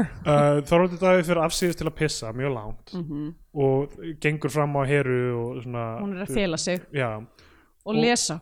Já, af því og, hún er svona hún er svona kona með bók. Já, og labba tilbaka þau labba tilbaka saman og það strax skapar einhvern orðurum um að þau hafi eitthvað farið afsýðist til að boinka Já, einmitt um, menn þau voru bara að lesa Já, og pissa, lesa og pissa mm.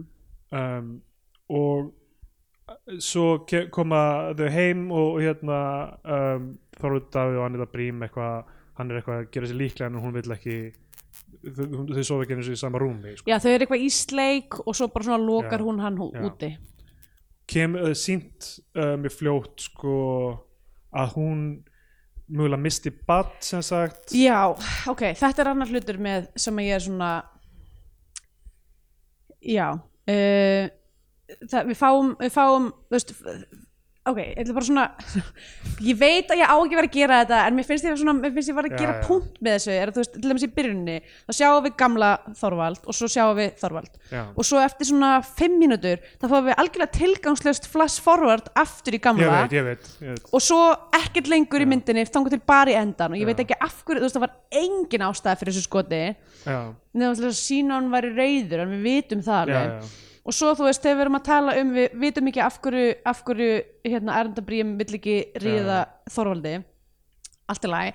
Uh, sko, látið að býða látið að koma í ljós. Já. við þurfum ekki eitthvað flashback í eitthvað, eitthvað læknasenu í Já. Reykjavík. Bara það er nóg að hún segi þú veist, það var söðbyrður, þú gast ekki komið með mér. Já, já, veist, við þurfum ekki að sjá þetta. Einmitt. og það er eiginlega bara skemmtilegra ef við þurfum að pæla í því aðeins lengur ekki spurning sko. Að ve- velta fyrir sér af hverju þetta heita par þetta. Já, meit uh, fyrir utan það að við erum ekki þú veist við, ég held að það sé frekar skýrt að þau eigi ekki já, þeim finnst erfitt að ríða það gerðist eitthvað í Reykjavík. Mm. ég held að við getum já, Sett já, þetta saman. Já, algjörlega sko. Eh, mér finnst þetta mjög skrítið dæmi að klippa í eitthvað flashback þarna. Mér finnst leiðilegt að vera ekki treyst til að setja saman Algjörlega sko. Og sko, eitt sem ég vil að segja sko, hafandi ekki lesið bókina hva, hvaða tilgangi þjónar þetta framing device sem er þetta bref af því að mér finnst þetta bref þegar það var í víld í lokin já, þá var ég bara eitthvað hvað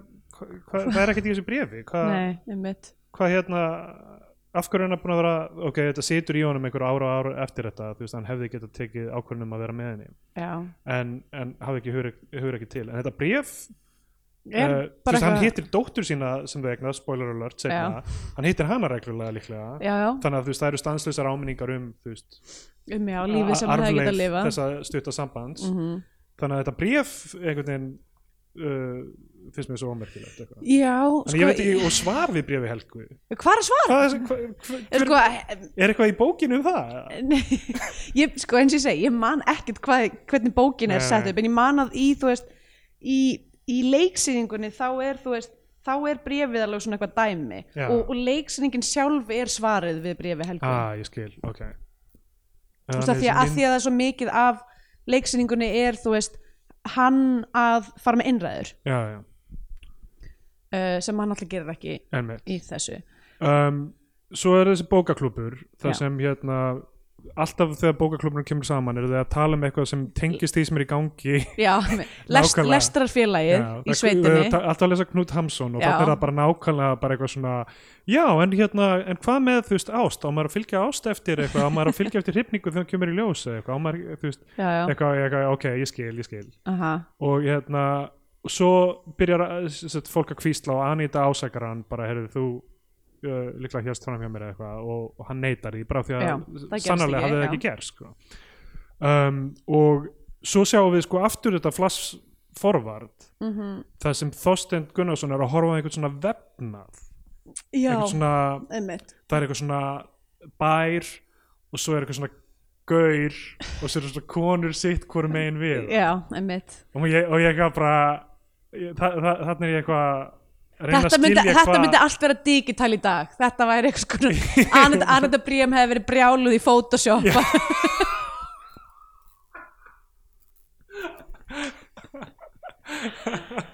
Hún er að photoshop að taka hausinn af honum setja á þetta mýmið þarna sem konan lítur Já, við eitthvað.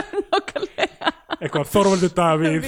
Hera Helmars og síðan Anita Brím að horfa svona, hei, hvað er þetta gæjast Nákvæmlega. En þarna fáum við útsaum. En þú hún er veist- mjög handlæg núna Anita sko, það, það er eitthvað sko við hvað þessi saga er uh, svona spare, sparse þú Já, veist, þú veist gaur, t- eða par þú veist, hérna hvað ég segja, tvær manneskjur halda fram hjá mögum sínum. Já. Önnur er tilbúin að komitta það, hinn ekki. Mm that's it í rauninni, sko, þú veist, er þetta er tale as old as time, sko. Uh, og og svo er eru allir þessi svona- symbol fyrir það í þú veist, bæði bókunum sem þau eru að lesa og þessu vefnaður já, og eitthvað og síðan þú veist elementi líka þessum kindum þú þú hann er fer með hrútin til hennar til Já, að þú ríða til kindunum og eitthvað svona. Svo uh, drepur hann hrútin. Er hann drepur hrútin hann, er svo reyður hann drepur hrútin Sko, Já, uh, ég veit ekki, við erum kannski, ko- bassa. við erum kannski En- en- svolítið fram úr okkur en, hérna sko, en, þú veist, en það sem ég hérna, ásmá erfitt með er sko, þetta er auðvitað eitthvað sem kemur svo fallega fram einhvern veginn í í texta, texta í bók. en þarna er ég bara eitthvað, þú veist akkurat Já. að hérna gefa mér hint um eitthvað sem þú veist, ég veit, Veit, sko. já, þú veist, þetta er ástæðan fyrir að fólk var reitt út á rottinu í lokinu á The Departed sko. Ég hef ekki séð hana, takk fyrir þetta því ég held að þú munir fatta fljóðlega í The Departed að það er, uh, það er a rat í löggunni. Já. Já, og er síðan svona svo er alveg alveg rotta sem er bara síðasta skoti Já, það er ég, er búinn að ég elska rottur ég er búin að fyrirgefa, ég er búin að horfa á The Departed svo oft ég elska þessa Þú rottur elskar svo Með vilja vinum. coming around og bara eitthvað, þessi rotta, þessi rotta gerði ekkert ránt Nei, nákvæmlega, og af hverju köllum við þetta rottu? Hvað er að rottum? Rottur eru yndislega gæludýr. Algjörlega sko. Þær elska pítsu uh, það, þeir elska alup skjaldbökur. Ha? Já, nákvæmlega elska, elska að elda góðan mat. Þú nákvæmlega veist, hvað, hérna, hvað hefur rottan gert okkur? Ná- nákvæmlega um, Fyrir utan pláuna fyrir utan pláuna en það veist, vitum við það? Nei, er það ekki eitthvað svona þetta er bara gróusaga er það ekki að eitthvað svona koma- China flu dæmi svona Jú, er það ekki eitthvað Donald. Trump dæmi? Eins og spænska veikin nákvæmlega Það voru ekki svona rottur, þetta voru kaninur nákvæmlega, þetta var eitthvað allt annað. Það er big kaninu lobby er búið að vera Hugh Hefner og Big Canyon lobbyið um, en alltaf þú veist uh, já, þannig að, þannig að þú veist ég er alltaf að býða eftir að séu fleiri element í veginn framvindunni til þess að þú veist ég er alltaf að býða eftir eitthvað meira að mitt af því að ég bara strax svo þetta byrjar þá ég bara, ég veit hvernig þetta fer. Viltu eitthvað B-plot? Ég er bara einhvern veginn 100% viss um hvernig þetta endar af því að það er búið að sína hann með brefið hann Já. greinlega þetta endaði ekki, þau endaði ekki saman Einmitt. þannig að nú eina sem við höfum er ferðalagið í Og, og þú veist kannski líka þau eignast bann og eitthvað svona Hvað með það? Hvað með vatnið? já, fer mjög vel sko Mm. þannig séð sko Já, um, Um, ég, nei, ég held samt að hún veit ekki að hann sé pappin Þú veist, það er í náttúrulega lokin Nei af því hún fer, hún fer síðan yfir með, með vinkonu sinni og, og maður heyrir hann að segja við, við, við hérna, Björn eitthvað svona hæ pappi Já, eitthvað, já, þeir eru tveir pappar sko. Hún, af hverju kemur hann annars til hann sko. bara því að það var læst að það var enginn heima á hinum bænum. Já, ég er nokkuð vissum að hann þú veist, Aha, hann þarf að horfa á dóttur sína vei, hún veit ekki að pappan, hann er pappinar og Vá, ok, ég, af því að þau voru svo mikið að bonda Ég var bara já, ég menn hann er bara nágranninn, þú veist. Ok, þekkir hann potið, sko. Um, allavega Hérna, sem sagt Þau, uh, já, það, hann kemur til, með hrútin til hennar mm uh, Til þess að uh, ríða kindurum já, Og þau spjalla um þetta eitthvað. Hei, allir halda við sem halda framhjá ha? það er mitt uh, og hann eitthvað úf, já, klika og svo bara, "Eh, best að fara. Og mér fannst mjög skemmtileg sena sem hann er að það fara sem frá hann er að henni. frista sér delan. Já, hann fleir sér bara face first í á. Frostna af því hann er svo graður sko. hann svo græður hann, Já. en sko, hann, þetta er, við erum að tala um að það er vetur já, þessi á er basically frosin sko. já, já. hann er að fá, fara að fá frostbit á delan. Það er ekkert að ég að frista sér delan sko. kaldi potturinn. Já, en fannst þið samt, ok, fannst þið samt ok, mér fannst alveg, mér fannst alveg fyndið mér fannst hann svolítið svona, þetta var svolítið svona þú veist dramatíst já, já, og svo náttúrulega kemur þessi burning bush þarna. Og ég er Já, eitthvað, ok, ok en, þa en þetta er allavega þú veist, þetta er allavega svona uh, já, visualt það sem hérna, sýnir það sem að og ég hefði bara alveg- aldrei séð þetta áður þannig ég Já. var bara eitthvað, "Vá, þetta er skemmtileg leið til þetta að er eitthvað sem maður getur gert. Einhver svo horny að maður hann flegir sér í frjósandi á bara til að slökkva eldana í lendum sínum. Já, einmitt. Um, mér, já, já, þú veist, það var, mér fannst þetta alveg þú veist, mér fannst það alveg skemmtilegt, sko.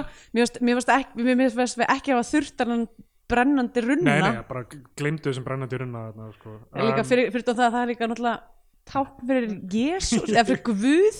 Já, já, Guð að tala við Móses. Uh, já, ég er búin að vera að fara alltaf í Startbad Náuköln hérna uh, í, í sánuna sko. og það er brennaður deilan uh, já, brenna með setja hann svona á Ég set hann kólin á. ég, ok uh, en það eru þú veist kaldupottur og ég er að fara þú veist í sánuna í áfgúsið sem er hita, hana upp og síðan þegar maður beint úr því í, Mhm. í sturt og síðan í kaldapott og, það- og maður er alltaf nakin þar sko. maður má ekki vera í neinu. Það, veist, þá er ferði í eitthvað kaldabottin og síðan eitthvað, ekki Kristína, ekki horfa á en, mig. sko, en þetta er eitthvað sem ég hugsaði alltaf sko, þegar ég var eitthvað svona að fara í sund uh, var eitthvað svona já, þú veist, náttúrulega þegar maður fyrir í laugin að þá minkar allt einhvern veginn. Já, já, og, og, en það, í lauginni þá maður, þú veist svona smá berskjaldar, þú veist, í su- sundskílunni mm. að því að sést í gegn svona einhvern veginn. Sure, já, en, en svo einhvern veginn núna þegar ég er búin að venjast í að vera einhvern veginn nakin þá er ég ekkert að pæla í því meira segja þó deli minn sé þarna bara for all to see og hafi skroppið saman bara já, fólk sé bara, nei, þetta er annar gaur þetta getur ekki verið sami gaurinn á áðan. Ég sá hann áðan. Sko, já, ég veit ekki ég, mín tilfinning er að því ég er líka búin að vera svolítið að fyrir gufuna í klifugjöminu mínu uh, er að ef að maður er nakin, þá er fólk minna að horfa já, ok, ég, ég, sónaði út í svona sekundu og glemdu þess að gufuna í klifurkiminu og ég held að vera klifur nakin ok, það, fólk er minna að horfa því ég er svona klifur og upp svona vegg. Ef að ég er nakin ef ég væri í jógabuxum, þá væri allir að horfa. Uh, en þú veist, nei, en já, bara út af því að þú veist, maður vill bara vera, Já, þú veist, kurteis. var svo fljótur aðalegast bara eitthvað svona, já, hérna um, það er allir með eitthvað, skiptir engum máli. Og skiptir yngu máli. Einmitt. uh, um, en uh, já, hann sem sagt kellir á sig drólan uh, Mhm. og um, og svo kemur uppáhaldspartur í minnamyndinni já, sem er reykta eiginkonan. Einmitt. Það, þetta er mögulega, já, besti parturinn af myndinni. Já. Sagt, hann, hann og Arnbundur Ernst fara að róa að sækja lík uh, konu já, hjá uh, ekli, hennar ekli? Ekli hennar Eh, sem er Siggi besti minn. Og er að gera þú veist þessu gaman maður séðan svo oft í þessum rullum uh, þú veist hrútar og eitthvað svona nýlega sko. hann gerir alltaf eitthvað smá öðru í sig. Hann er bestur. Þetta er smá annar gauð sorry, ég ætla bara að segja að hann er bestur uh, af öllum leikarum á Íslandi er Siggi Sigjóns bestur. Og hann er hérna uh, þau hafa beðið lengi með að ná í já, í það er búið að vera mont veður það er ekki búið að vera hægt að fara yfir fjörðin og, uh, og bara frosið og eitthvað og þannig að það, hún er búin að vera döið í smá tíma. Já. Þannig að það sem hann hefur gert í staðan fyrir að og það er mjög ómaglegt, það er allir sveitin eitthvað svona uh, þurft hún að rökkva upp af núna? Vá, um, vá, klassísk Kristín. Eitthvað, þú veist. Í staðan fyrir að grafa hana í jörðina því að það er erfitt mm. uh, út af frostinu þá er hann búin að uh, Hengja hana upp. smóka hana. Hann er búin að smaka hana. Og hann reykja hana, setja hana hengja hana upp í reykkofanum. Það er eitt eiginkona já, þannig að hún lítur svona út eins og svona, hérna, svona mýramadurinn eiginlega.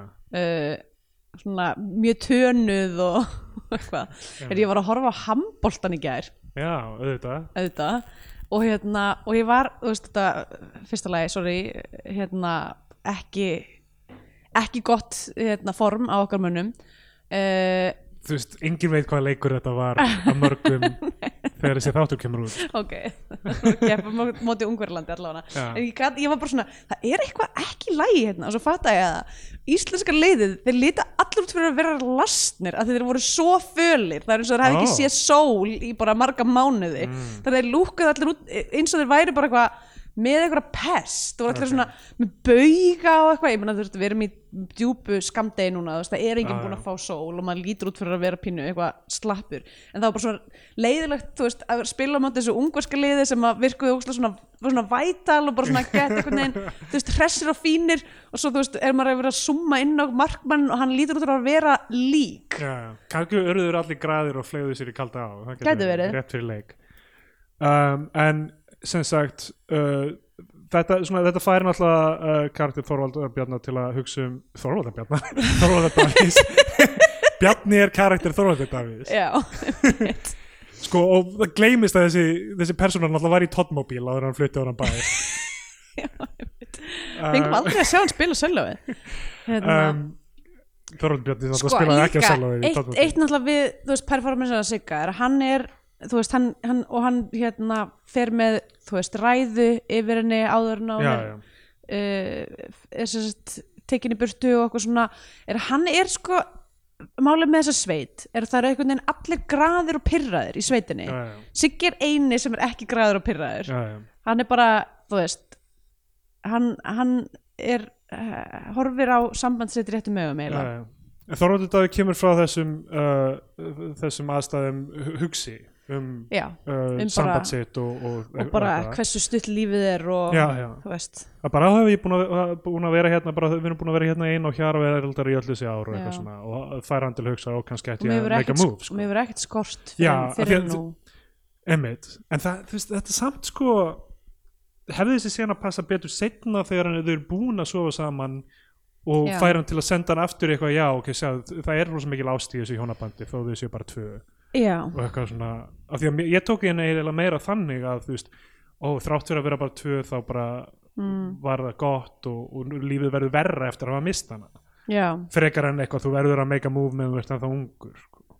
já, emmitt já, góð, góð punktur. Ég bara Ég tók, þar, ég tók því þannig að hann, hann, væri, hann væri að hugsa um Helgu. Ég, ég, ég tók því þá á því momenti, já, já, já, en, það hefði kannski verið svona- betra einmitt að því hann á, já, einmitt, ég skil, skil Hel, Helga sko, ber síðan upp á hérna, mannin sinn bara, ert þú ekki alltaf þessum hestaferðum að sofa einhverjum konum? Og, og hann eitthvað, hva- þú veist þér, þér er ekki, þú hefur ekki einu sinni skoðan á því já, Þú veist, þú- sama. þú væri reið ef þú he- heldir það eitthvað, þú veist, og hérna það væri gaman ef þú hefðir eitthvað passjón sko. mm, uh, þannig að það er áhugverð líka. Hún er bara orðin alveg hætt að vera ástfangin af hennum og bara, þú veist, það hann haldið framjá er bara svona, veist, það fer í á henni en ekki það mikið að hún verði veist, til sér tilbúin að berjast fyrir sambandinu. Einmitt. Og hún Og- heldur ekki sofa hjá honum og þú veist. Nei, ennmitt, já, og hérna þannig að þau eru bæði, þú veist bæði pörin algjörlega án, án kynlífs. Mm. uh, það er uh, eitthvað svona uh, hérna, félagsheimilis að, uh, hérna, já, það er hérna jarðaförin Já. og þar hérna fer Helga og segir eitthvað, herðu, það er hérna einhver sögðs fjársjúkdómur, það þarf að tjekka á því. Já, kláði, kláði, hann, hann fer til hennar baðar, uh, þau baða saman rolluna upp úr landi já, og síðan bara boingaði í fjárhúsinu og hann Já. færaði mig fljót sem er hérna 30, aðslega 30 sekundur. Einmitt, sem- þú veist, gott, gott svona þú veist, moment líka upp á, ó já, greinlega langt síðan uh -huh. og hérna um, einmitt, og þú veist uh, svo að tippið hans örgulega lítið af því að það er kallt og því hann er búin að vera í svona kalda kindabaði, Já. eitthvað og, og, og þetta er svona eitthvað, já, hérna um, þau loksins láta verða af því að fylgja þessum orðunum eftir mm. og þetta er þú veist í kringum mínútu 40 og, og 5 eitthvað þannig. Og þannig byrjuðu að tala um líka þú veist, ég skil af hverju ég held framhjá segir Helga, en af hverju held þú framhjá þú veist, já. þitt uh, samband virk, virkar mm solid skilur, þú veist, þú ert með Anita Brím veist, ég segi það, Það hver- Brím. hún, sama- hún var í Journey to the Center of the Earth. Nákvæmlega, sama, hún þekki Brendan Fraser þú veist, það er sama hversu uh, sminkið á að láta hann að lúka þreytta, hún er samt Anita Brím, Brím, já, nákvæmlega. Sko. segir hún allt, mjög skrítið já, mjög skrítið hún segir það en, sko. alltaf maður verður bara þú veist, Já, og svo kemur hann tilbaka til hennar og þá er hún Anita Brím búin að plana Róm og dinner og það er allt til vandrarlegasta mál sko. um, uh, Svo kemur montas annað tveimur montas í myndunum það sem er sænst lag já, og hérna tónlistin í þessari mynd já, um, hef ekkert út á hann að setja Sko. sem, sem tónlist en hún er mjög svona, svona piano svona, já sko mér fannst, á sprettum fannst mér, mjög, mér fannst mjög fallegt hérna uh, kórin í jarðaförunni mér fannst það mjög flott. Það mjög fallegt. Um, en svo, þú veist, svo einmitt eitthvað svona, þú veist, það, er, það var á einhverjum tímpúndi var einmitt eitthvað svona montastæmi eða, eða hvort það var bara í réttunum eða eitthvað og þá var þetta bara eitthvað svona aðeins svo mikið. Er þetta er okay. smá svona piano, svona smá minni með á veist, Amelie og Goodbye Lenin og Já, eitthvað já, svona. Turn of the Century hérna, Jan, Jan Tyrsen eitthvað. nákvæmlega, eitthvað, eitthvað svona um, evróska kvikmynd, eitthvað svona hug, huguleg heit. Já, en svo kemur þetta sænska lag og ég hugsa bara, veist þarna hugsa ég bara, hvað ári erum við? Veist, hvað er í gangi þarna, því að það er ekki beint nelt niður í byrjum myndarinnar hvað ári er, sko og, og ég er búin að vera að horfa á þessi geysisföt og ég bara, eitthvað, er þetta nær okkur í tíma en ég held Mm. fyrst og er ég með miskilið eitthvað svona? Af því að þú veist, þetta, þú veist þa- þarna, þú veist, er fólk að setja á einhverja plötu og grammafóninu og það er bara þú veist, það er tónlist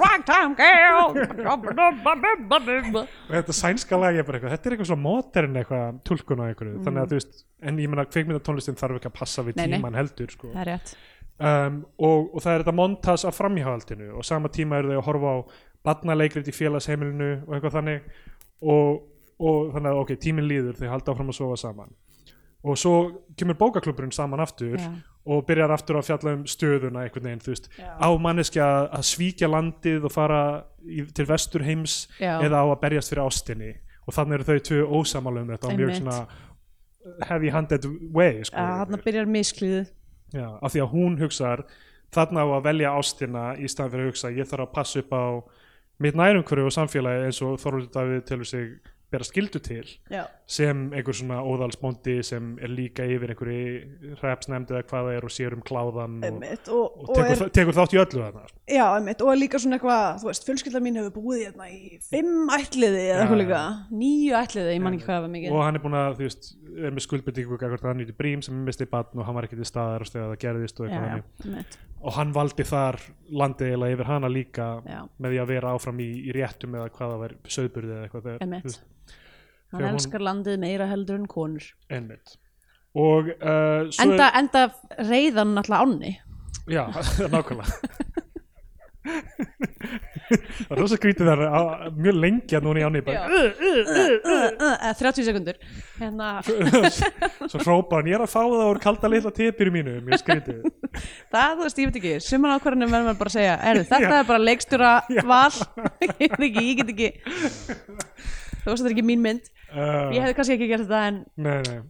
hérna, var, voru sprengjurnar komnar á þessum tíma? Stríðs, já, þa þa þa þarna er sem sagt uh, líkfundur út af tundurdöfli út frá já, sjónum staðar, einmitt. uh, og fullt af líkum í sjónum er sagt sko, Já, einhverjum, enda er það bara alveg rétt, það var mjög mikið af einmitt, sjóskaða, skipaskaða á þessum tíma. Um, uh, Björn Tórs mætir í næsta bókaklub uh, og er bara eitthvað, já, herruðu, hvernig var ég í staðin fyrir að tala lesa um Knut Samson? lesa svartfugl. Ég myndi lesa svartfugl og þessi fjallar um morðin á sjönda hann beisli kemur er hann svona sparkar hann hurðinni á, á, á bókaklubnum og er eitthvað ef við ekki heyri eitthvað íslenskt? Akkur horfið ekki á myndina þarna Dómstagur, eða hvað héttum við, það ekki? Bittu, Um morðin á sjönda og já, ymmit já, jú, nei, byrju, það var allavega einhver mynd Dóms eitthvað, fjall- já, þannig að Mari jú, e- jú, dómstagur Já. Akkur horfið ekki hana í staðan fyrir að lesa þessa bók, Já. uh, Það sem hérna um, þú veist, af því að það, það fjallar um, um framhjáhald og morð í kjölfarið og bla bla bla. Og enda mjög illa, framhjáhald er ekki gott. Samkvæmt Gunnar, Gunnar, Gunnar Gunnarsson segir ef þú heldur framhjá, þá verður þú hengdur. Það er news, sko. Já. en Og- bara ef þú ert í lægri stjætt Einmitt. Og hérna eins og myndin Dómstagur sem er minnur hann heiti, Já. sýnir. Um, og hann er náttúrulega sjálfur líklega búin að vera að halda fram hjá eitthvað svona já, þetta er, einmitt þú veist, það sem er náttúrulega eitthvað svona element í þessu er veist, að þessi orðrómur gekk og alltaf og það eru slúður og pískur og eitthvað svona. Mm. uh, og þetta er eiginlega meira samfélag þú veist, ástæðan fyrir að þetta getur ekki bara ég skil ekki af hverju, af hverju þetta getur ekki bara gengið áfram eins og það er sko, að þau séu svona uh, hvað maður að segja, tilfinningarlega tengd hann og Helga. Uh, af því að Anita er hundsetta þú veist, já er af því að hún er ólétt það er mjög skýrt að hún er bara eitthvað, herði, ég er ólétt við þurfum að taka ákvörðun. Hún er ekki óleitt þegar þetta gerist. Hún er, Eh, það, er, það er sagt hún sé óleitt eftir þennan, þetta moment sko. þannig að þarna þú veist uh, þarna er Björn Tórs eitthvað svona brjálar yfir þessu. Sem er þú veist, ok, hann, hann, hann er búin að vera að gera það sama. Já, já, en hann er bara niðurlæður hann er niðurlæður, já. Þannig að þú veist, í svona einhverju fungerandi samfélagi þá, þú veist, gæti þetta alveg já, en náttúrulega sko, það Þú veist, er líka en það er samt bara tekið öðrum höndum þegar konur halda fram í heldur en þegar kallar halda fram í það er rétt, já. En þetta er náttúrulega, þú veist, þetta er náttúrulega tímið þar sem þetta var ekki bara neitt í lagi. Nei, en var auðvitað samt rampant, sko. Ég vissum að þetta var gert miklu meira Já, en fólk, já. þú veist fólk talar um, sko. Já, já, uh, og uh, þarna eru semst í framhjaldinu eru töðugjöld og uh, Helga segir honum að hún sé ólétt já, á, á svona uh, ballinu já. og vill flytja, akkur fyrir við ekki bara söður við hérna, vinnur fyrir herinn og eitthvað þannig. Mm uh, og hann segir eitthvað, herðu ég þarf að hugsa um þetta. Og hún, hún segir það sem er svona frekar auðlust, þú ert í betri stöðu en ég. Já. þú hefur fleiri options en ég, en ég. Og hann miskilur það algjörlega eins og kemur í ljós í lokin þú veist, hann, veist, hann, hann tekur þess ekki sem þannig að þú veist, þú þarfst að bara ábyrða því sem gerir þér heldur bara, Þú, þú mátt velja marga þú mátt bara velja hvað þú vill gera. Já, já. mér er alveg sama og eitthvað, ég þarf að hugsa um þetta. Og síðan lendir þeim eitthvað saman honum og, og Binni Tórs karakterinn um, Helga fer uh, mætir bara heim til þeirra. Já, sér Anitu þar. Og hún það, er- það, það er svona aldrei square off. Það er bara, veist, það er bara þögn þar á milli. Einmitt. og uh, svo er montas það sem blessu sértu sveitin mín er í gangi. Hann ráfar um í náttúrunni öskrar og gerir þetta sem þú svona liftir höndunum svona aftur fyrir þig svona eins og eins og þetta fljúa og öskrar út í náttúrunni það gerist alveg nokkru sem einmitt. Uh, það er svo gott að öskra í náttúrunni. Já, ég já, Þú hefur aldrei gert þetta? Jú, jú, en ég, örglega sko. En ég á jú, jú, erfitt en ég með- sé eftir því. Já, erfitt með þetta bara myndræna það sem einhver er að ráfa um einn og er að öskra og eitthvað svona, þú veist. Mm, þetta er, mér finnst þetta típ ákvörðun svona Já. almennt, ég er búin að sjá þetta svo oft sko. já, já, uh, og uh, Helga á sama tíma eignast batnið já, um, og þarna erum við aftur flash forward í nútíman það sem Þorstin Gunnarsson er með því sem er líklega deyjandi eiginkonan sem er þá líklega Anita Brím Já. framtíðarinnar einmitt uh, og þannig að þú veist hann er þarna loksins að missa konuna og er að, er að, er að þú veist, lesa bréfið aftur. já, einmitt Anita loksins uh, konfrontar Þorvald Davíð. Eitthvað hérna, herðu um, þegar hún er að raka hann og eitthvað svona gefst upp í og þannig er hann eitthvað af hverju lætur alltaf eins og allt sé í lægi af hverju, af hverju þú veist, tölum við ekki um þetta? Eins og Mhm. hann hefur reynt að gera áður. Já, og af hverju þú veist, þú elskar að þjást og eitthvað þannig. Og, og, og hann, hún, hann er bara eitthvað uh, hérna, ég óskaði þess og hún segir ég óskaði þess að ég myndi degja og hann bara ég myndi líka óskaði þess að ég myndi degja hella- Sér eitthvað, ah, sorry. Hella reyfildi Já. Um, og uh, hann verður svo reyður að hann fer og snýr hrútin úr hálslið. Nei, hann skýr hann á háls. Og skýr hann hana já, hann er með vasanum. Ah, okay. alltaf með vasanum. Okay. uh, já, fer, drepur hrútin, að hann er basically hann er að skýra undan sjálfum sér að því hann sér eftir ákvörðunum sínum. Já. og svo fer hann með hrútin og, og hendur hann í sjóðin hendur hann í sjóin og ætlar að fyrirfara sér líka, ætlar að fara á eftir honum. Já. og svo hættir hann við í vatninu. Og það er þetta drónaskot það sem þú veist bátur hann er svona einn út af hafinu. Mm.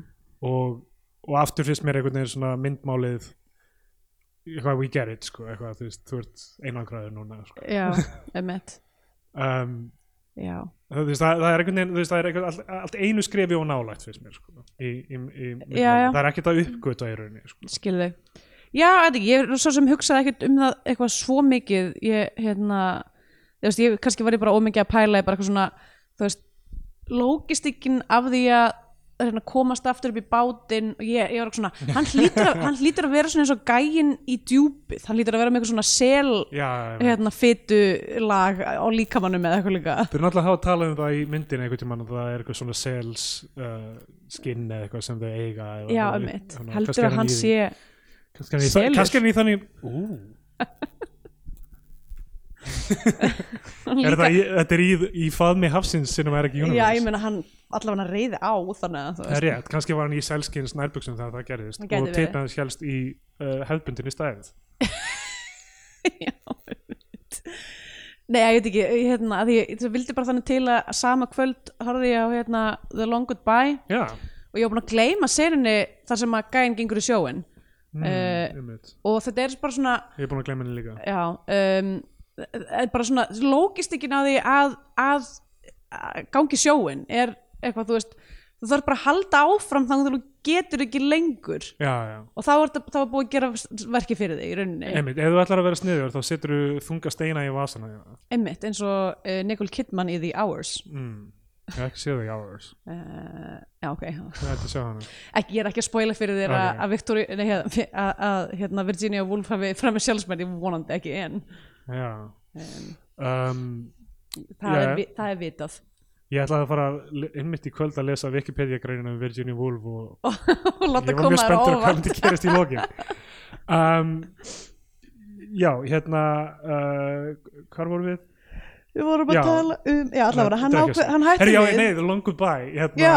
Arnold Schwarzenegger er náttúrulega í Já, henni og er í svona briefs og einmitt. er með útlínuna sem ég er að tala um að ég var hrættur við sem krakki Já, en það var örugglega ekki, hlýtt á þessu setti. Nei, örgulega ekki. Uh, En ég var ekkert mjög mikið að pæla því af Því að ég var uh, í sömu senu og hann fyrir fötunum Þá er ég að býða eftir því að Elliot Gold fara fötunum og hann Já. gera það ekki og það styrlar mig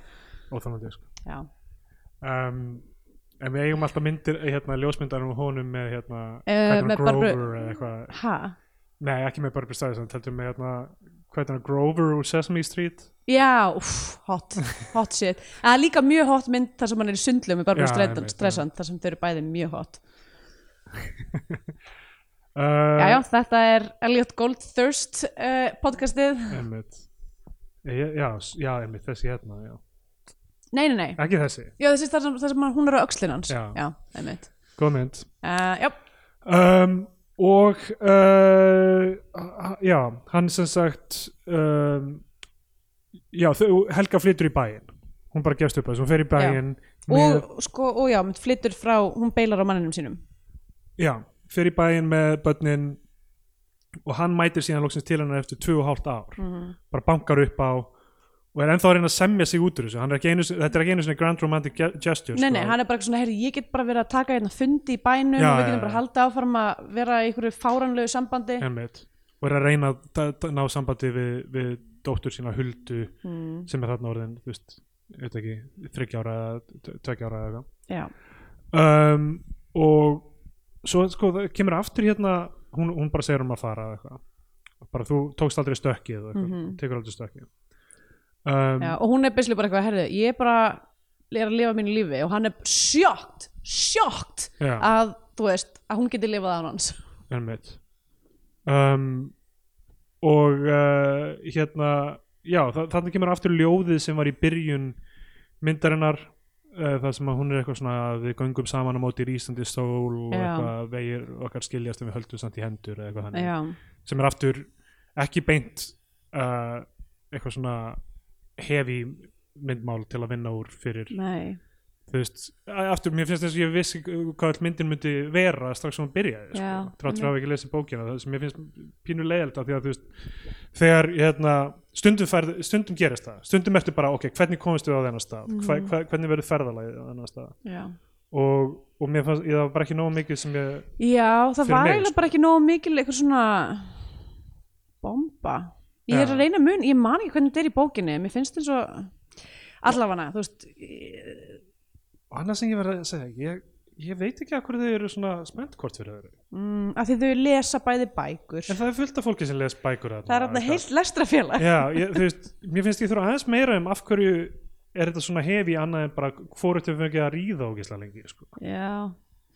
Uh, já, ég veit ekki sko, þú veist það þau tala aldrei saman um neitt Nei. áhugavert eða að þú veist, þau kannski gera það en það er allavega ekki í myndinni. Já, ég, þú veist, ég er alltaf að finna hvar er þú veist, hvar er þessi djúbstæða svona þú veist, ég, ég, ég meina kannski er pun- punkturinn að það sé bara nóg bara þú veist, þú þarf að hafa eitthvað kynlíf í lífin til þess að geta, en, en ég, held ekki að myndin sé endilega að segja það, sko, ég held að það sé þú veist, sko, en út af því að það fær svo mikið plás svona sérstaklega vera að segja það að þau eru ekki að sofa hjá mögunum sínum okkur sliðis og þá er það, þá svona líður mann eins og það sé aðal dæmið sé bara hot steamy 30 sekundar sex í hlöðinni Já, því sé- mér finnst eiginlega meira milli Anitu Brím og, og Þorlóta Davíð sem ég hef hugsað, já, þarna þau hafa gengið í gænum hluti saman, já, þú veist, þau hafa rituala saman, sko, það er allavega eitthvað sem gerir samband þar, sko, mm, að meðan hitt er meira bara svona, uh, þú veist, losti og, og svo þegar kemur að bréfinu þá einhvern veginn, þá hugsa ég bara eitthvað, já, ok, það snýst um, um ást og eitthvað þannig. Mm um, uh, að hún sé að segja í fyrsta sinn ég elska þig við hann sem ég sagði hún það aldrei við hann? Ég myndi halda já, greinlega ekki. Já, og það, eins og það sé bomban í lok bara loksins er ég tilbúin að segja við þig eftir allt saman, ég elska þig og mun alltaf elska þig. Og ég byrju, en ég held að Já, það, Það kannski, var í- heili það kannski hefði átt að gera þá, veist, undirbyggja það einhvern veginn, hafa einhverja senu þar sem að hann segir það, hún segir ekki tilbaka eða, eða þú veist, eða eitthvað svona ósagt millið en hún segir I know. Já, ég veit ekki uh, veist, þannig, skulum þannig að þegar bréfi kemur þá er ég bara eitthvað, já ok, hérna ég held að þetta lægi allt saman fyrir. Já, en ok um, eftir að uh, hún regur hann að burt þá fellur hann í drikkjuskap mm hann faðmar hest hann, hann, mjög sætt hann, hann, hérna, hann aftur baðar út höndunum svona eins og hann sé öskar út í vindin og eitthvað. -hmm. Uh, hann er hann ekki bytta, hann er bara eitthvað að ráfa Já, fyrir utan, þú veist, bæi að trubla fólk og bara snappa fighting við, uh, við Björn Tórs og, og, og, og hann hrópar á Björn Tórs uh, þú áttir hann aldrei skilið og ég er bara eitthvað, hann mun segja Já. uh, Ekki þú heldur. og hann gerir það Já, þú veist, af því að, af því að það er maður veit allt saman strax sko. en myndi maður samt ekki, þú veist ef hann myndi ekki segja það, væri maður ekki bara eitthvað undir venlum kringstand þá myndi maður ég, segja ég, já, en ég, en ég hugsa samt þú veist, þetta er þú veist, ef hann hrópar hana, þú áttir hann aldrei skilið þá hugsar áhörandinn, Já. þú ekki heldur á því að þarna er algjörlega búið að uppljóstra með hennar karakter sem bara algjört svín hann, veist, hann er búin að nýta sér þægilega stöðu sína að, það að konan hans konfróttar hann aldrei mm. og hann er með einhvern sess í samfélaginu og eitthvað þannig og engin, engin já, hann er á algjört asshole sko. Já, veist, hann er algjört fáviti sko. mm. en, en mér finnst myndin hafa rosa, veist, og ég held að myndin sé að sína það en hún hefur líka rosalega samúð með hann sko. af því að hann er hann er, er sögumæðurinn í bókinni Mm en í þessu fáum við aðeins líka hinnar hlýðarnar sko. -hmm. en hann er samt aðarperson og þetta er bara gaur sem, sem fokkar upp lífið sínu út af af því hann er gunga. En hann velur ættalsetrið fram yfir ástina. Já, já, en jokes on him af því að hver mun erfa þetta ættalsetur já. Það er huldað líklega. Já, Sem- nei, sem- hún er ekki bannið hans. Ekki lagalega já, heldur það mun ekki í framtíðinni gerast eða eitthvað? Ég, það er náttúrulega kemur ekkert fram þú veist, en ég meina hún er ekki bannið hans þannig að já, en það, en það vita, vita allir sko. hver einasta mannskja já, já, já, já, en þú veist, ég er bara að segja þess vegna fannst mér svo skrítið hún myndi ekki vita já, hún veit það ekki sko allavega það er Já, já, ok. minnskilningur það er örgulega alveg rétt hjá þér en ég bara einhvern veginn hugsaði Mhm. bara það er eitthvað svona þú veist, þegar hún mætir það, því að það er næsta sem gerir sko. Mhm. en hún mætir til hans hann hefur ekkert elst á 16 árum já, já, Þorvaldur Daví lítur eins Já, og hann hann er bara- að brímir orðin eldgumur já einmitt, en hann er bara orðin þreyttari. Já, hún er allavega grá eitthvað, hann bara eitthvað, þú veist, cirka eins. Uh, og hérna uh, þau, hún er þarna með einhverju vinkonu sinni. En sem, hvernig, hvernig hún kynnir sig Mhm. í byrjun? Er svona eitthvað eitthvað hæ, þetta er ég hulda eða eitthvað, ekki bara jú, og svo segir hún eitthvað svona, herri, pappi er ekki heim ef ég ætla, ég ætla að koma að sína vinkonu minni bæinn minn, en pappi er ekki heima. Já, en ég, ég skildi það þannig að það væri þú veist, ég veit að þú býrð hérna uh, en, en hérna en pappi er ekki heima þannig að ég hérna ég veit ég, veit ég ætti ekki að vera að koma til þín en, ah, en ok, ég sko. las það ekki þannig en, Nei, þú, er auðvitað rétt fyrir þér sko. en þú veist, hv- hvernig hún en bara hún svona alltaf kemur líka til þess að láta hann fá brefið já, en þú veist, þegar hún lætur hann fá bréfið hún, merkingin í því lítur að vera að hún viti hver hann er. Ég, ég er ekki svo viss um það sko en hvernig, þú veist, akkur, akkur er hún, hún er 16 ára stelpa, bankar upp á einhverju nágrana hmm. og, sem hún með bréf sem hún hefði getið sett inn um lúuna annars. Já, nei, Og- því hún er læst úti. Hún þarf að vera eitthvað staðar. Ég, ég veit, en þú veist en, já, að þegar hún lætur hann fá bréfið þá er það bara svona, ég er með bréf fyrir þig frá m- já, mömmu. það vissulega hefði auðljóslega veit hún hver hann er. Það hefði mátt vera meira casual bara eitthvað, herri by the way, Já, með bref bara- já, frá þú veist, mömmu. Og, og þú veist, þetta er allt saman bara eitthvað ég ætla, þú veist, ha- uh, hún- þú veist hvernig vinkonan en er, er að lýsa henni sem er bara eitthvað, hún lærir svo mikið hún ætlar að fara að vinna hjá ríkisútvarpinu mm. og, eitthvað, eitthvað svona þú veist, það er svona, bara, sjáðu hvað dóttir þinn er spennandi. Er ég alveg klikk eða? ég, sko ég, þess að segja, ég held það að kvarlaði aldrei að mér að, að, Að að það- hún, það væri ekki þau vissi ekki hver, hvort annað er sko. ég meit, þú veist, því ég held að að ef hann hefur ekki síðan í 16 ár já, ok, hún segir strax hver ég er hulda pappi býr við hliðina þannig að það meika sens já. Uh, ég held að, veist, ástæðan fyrir því þetta er svona, ég veit ekki hvað, þú veist hvað- hvort það setja, setja betur upp að því að síðan sko setna er hann að horfa á hann í sjónvarpinu þú veist, er meira bara svona eitthvað draug, þú veist hérna, þú veist, þessi draugur er alltaf, þú veist, það er alltaf verið að pirran með þessu, þú veist, hann sér dóttur sinni í sjónvarpinu Einmitt. og þú veist og hann þarf alltaf að horfa yfir á næsta bæ og eitthvað svona, þú veist, það er alltaf verið að plaga hann með þessum ákvörðunum sem hann tók já, já. um, Um, og þú veist, og líf þeirra bara helt áfram og hann er fastur í fórstíðinni einmitt. Og þær dansa saman við rocktónlist þegar að segja alla, alla hlutina sem er að breytast í Reykjavík og hvað þannig. Mhm, og svo er þetta bréf sem þú veist við heyrum loksins það sem hún segir ég elska þig. Mhm. uh, og svo er svona ímyndu sena í lokin eitthvað þú veist það sem eru svona eitthvað. að labba saman bara Já. úti og það er eitthvað við hefðum geta verið hamingjusum Mhm. þannig. Já, um, og, og myndinu líkur hún er, daldil, hún er þú veist uh, alveg 100 og 111 eitthvað. mínútur eða 112 einmitt. mínútur um, uh, já, hérna þannig að þú veist ég held alveg síðasti svona hálftíminn var ég eitthvað bara hver, hverju er við að bæta núna sko? já ég er, eins og ég segi ég held áfram að segja klifa á þessu að ég ég man ekki nákvæmlega hvernig það var í bókinni og, eða þú veist, en mér finnst eins og sko svona þriðja akt svona uh, sprengjan hafi verið miklu stærri. Já, já, þú veist, ég veit ekki hvað nákvæmlega er öðruvísi hér þú veist, en mér fannst þetta einmitt, mjög svona, mér fannst þetta bara svona smá fjara út eiginlega, þú veist, það var engin eitthvað svona negla í lokin. Einmitt. Og þú veist, maður mað veit allan tíman að, þú veist, og, og sér sérstaklega, þú veist, bara þegar þau eru að, að hérna hætta saman, hann muni sjá eftir þessu veginn. og hvað er líka myndin að segja, maður veit það náttúrulega líka bara því að myndin byrjar já, á, myndin byrjar á því að hann sér eftir því sko. og, og þú veist líka það að þú veist hann, hann hérna hann, be, hann ber einhverja svona ábyrga hvort Anitu Brím karakterinu mm. þú veist að þau hafa gengið í gegnum saman gengið í gegnum það er líklega að missa bann og, mm og hérna eða, þú veist missa fóstur sko eða Ég eða hvort- hvort þeir dáið í fæðingu, sko. sem er náttúrulega ennþá erfiðara sko. En þau, þau tala aldrei um að hafa grafið barnið eða eitthvað Nei.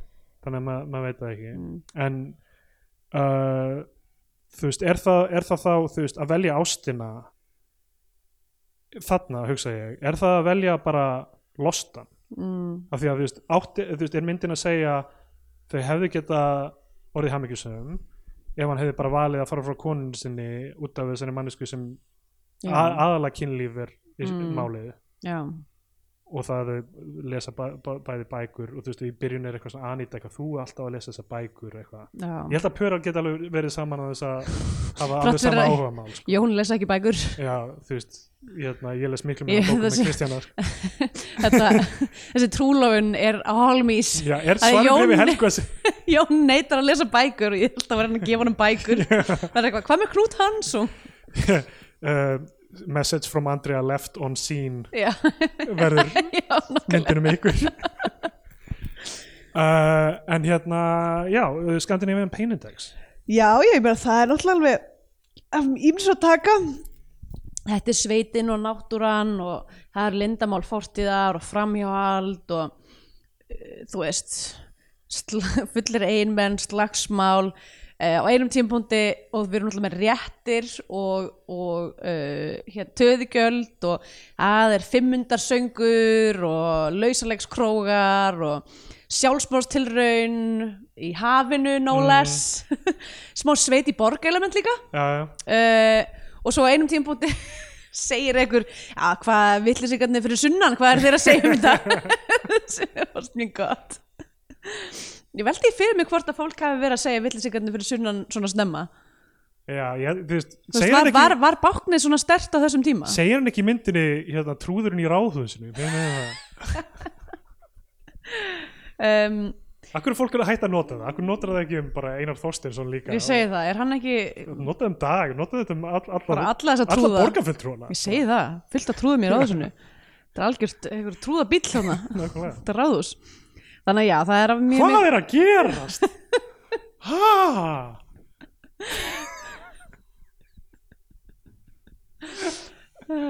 Borgarlína Leikskólapláss, hvað er að tala? um? það verður að gera eitthvað út af þessum rafskútum um, ok, já þannig ég held, mér finnst þetta bara svona mjög svona klassísk Scandinavian pain negla Já, það eru eftirsjá og eða, ég sko, harmurinn er samt máli er mér, hef, mér finnst það hefði mátt bífa upp harminn. Uh, En þú- Bífötunan harm. já, ekki það, þú veist, ok þegar maður er með sjálfsmástilun þá er vissulega, þú veist mikill harmur. Mér langaði, að myndi deyja Mér, þess að guð sökkar, skilur, þegar hann hoppar út í sjóinni bara please enda núna og Já. bara hann deyr. En það ég veit að hann gerir það ekki af því að í byrjun myndir hann er gamall maður já, já, nákvæmlega, við fáum ekki eins og þessi spens, eitthvað við vitum hann er ekki að fara þetta er bast, þannig að þú veist, það er út af því hann er selur hann syndi Já, bara í land. Uh, Ok. já, ok, allavega þannig að ég ætla að gefa hérna uh, ég ætla að gefa þessari mynd 12 nei, 13 af 15 uh, uh, kindum í dilk. Já um, Já, allir ég gef mér ekki bara svona þrjár af fjórum Knút Hamsun bókum. Ok, þá kom aðeins tímótið sem gefur myndina eitthvað sess á flagskip í íslenska kveikmynda þá fann íslenska fánan. Eða við mælum frekar með að hlustendur horfum ykkur á bandarinska Hollywood-dellu þá fann bandarinska bjánan. Já, og sko það sem ég finnst þú veist það sem hljóma kannski eins og uh, einhver svona antagonismi hjá mér gagvart þessari mynd Mm. uh, í þættinum.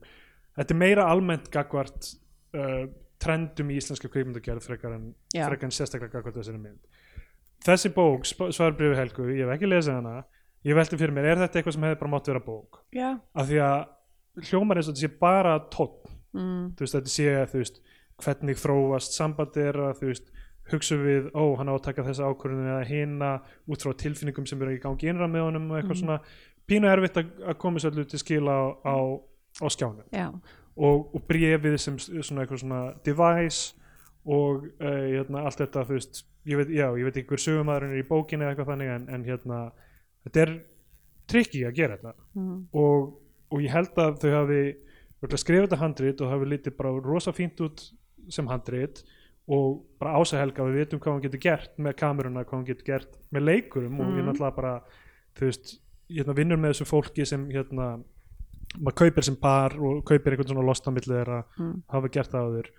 Uh, hún mun ná tóninum. Bara, uh, bara Ása Helga, tekur þetta hérna, handrit sem er búið að vinna með Otto Geir Borg og hvort höfundurinn er ekki líka hana uh, en hérna og, og síðan bara þú veist verður þetta mút skilur verður þetta tótn eitthvað þannig. Mhm, og þá er þetta bara eiginlega bara veist spurningum mun það hefnast eða ekki. Já, og það, þú veist, gagvart mér náttúrulega sem er kem inn í þetta með- er einhver fílupúki gagvart þessu íslenska múti, þá hefnast það alls ekki sko. Já, og ég held að gagvart mjög mörgum sem fíla þennan tón, þennan íslenska festival, landsbyggðar já, tón, þá bara auðvitað þú veist, geggja að sjá einhverja svona ástarsögum, þú veist, erfi, erfitt val í þessu settingi sko. mhm, um, þannig að þú veist bara hérna örgulega successful að mörguleiti þar alveg þessi mynd sko. fyrir mér það bara hugsa ég bara þú veist, af hverju má þetta ekki bara vera- bók og, og hérna og, og ég verði til að sjá uh, Ásu Helgu gera eitthvað upp úr upprunalegu Já. einmitt, um, eitthvað sem kannski krefst ekki því að maður sé of fastur við einhvern upprunalegan texta sem sem að, já, einmitt Um, ég er nefnilega að hugsa, ég er sammála uh, viltu klára? Nei, nei, þetta er svona ég var að fjara út í hann Já, ok, veist, að því ég hugsaði mér bara svona, ok, óháð, þú veist, whatever, maður getur nota bók sem source material, en þú veist, ef þú sérð bara eitthvað, ok, það er bara eitthvað þriðjagt issue hérna, já, já, þá bara, þú veist, færa hluti til, breyta þeim, þú veist, já, já. Eh, hvað ef að, uh, ef að hann veit ekki af barninu, hún flytur í bæinn án þess að vita af því Já, og já. kemst að því, þú veist, þá hefði hann að koma í bæinn og sjá barnið, eitthvað, veist, ég er bara að segja, þú veist, það, það, þú veist, ef þú sérð að það er eitthvað issue, Einmitt. þá verður að bregðast við því, þú getur ekki, þú veist, kent bókinum það að hún sé á þann hátt, þú verður það bara að breyta Já, já. eða eitthvað, ég, ég ætla að vana og kannski voru einhverja breytingar gerðar ég- já, já, það má vel vera ekki, sko. uh, ég er bara, já Já. sko ég er að reyna að púsla því saman af hverju mér finnst hún hafa einhvern veginn þú veist, svona einhvern veginn ekki náðu lendingu þarna í lokin en mér fannst hún ekki svona tilfinningarlega ná lendingu Mér fannst lok, lokamyndin einhvern veginn sem er bara þau að við hefðum geta verið hamingjusum lappandi saman. Já, það, ég, ég bara veit ekki hvað hún á að fyrirstilla sko. ég, ég veit ekki hvað tilfinningu uh, hún vill mm. fá út úr því að sína þetta sko.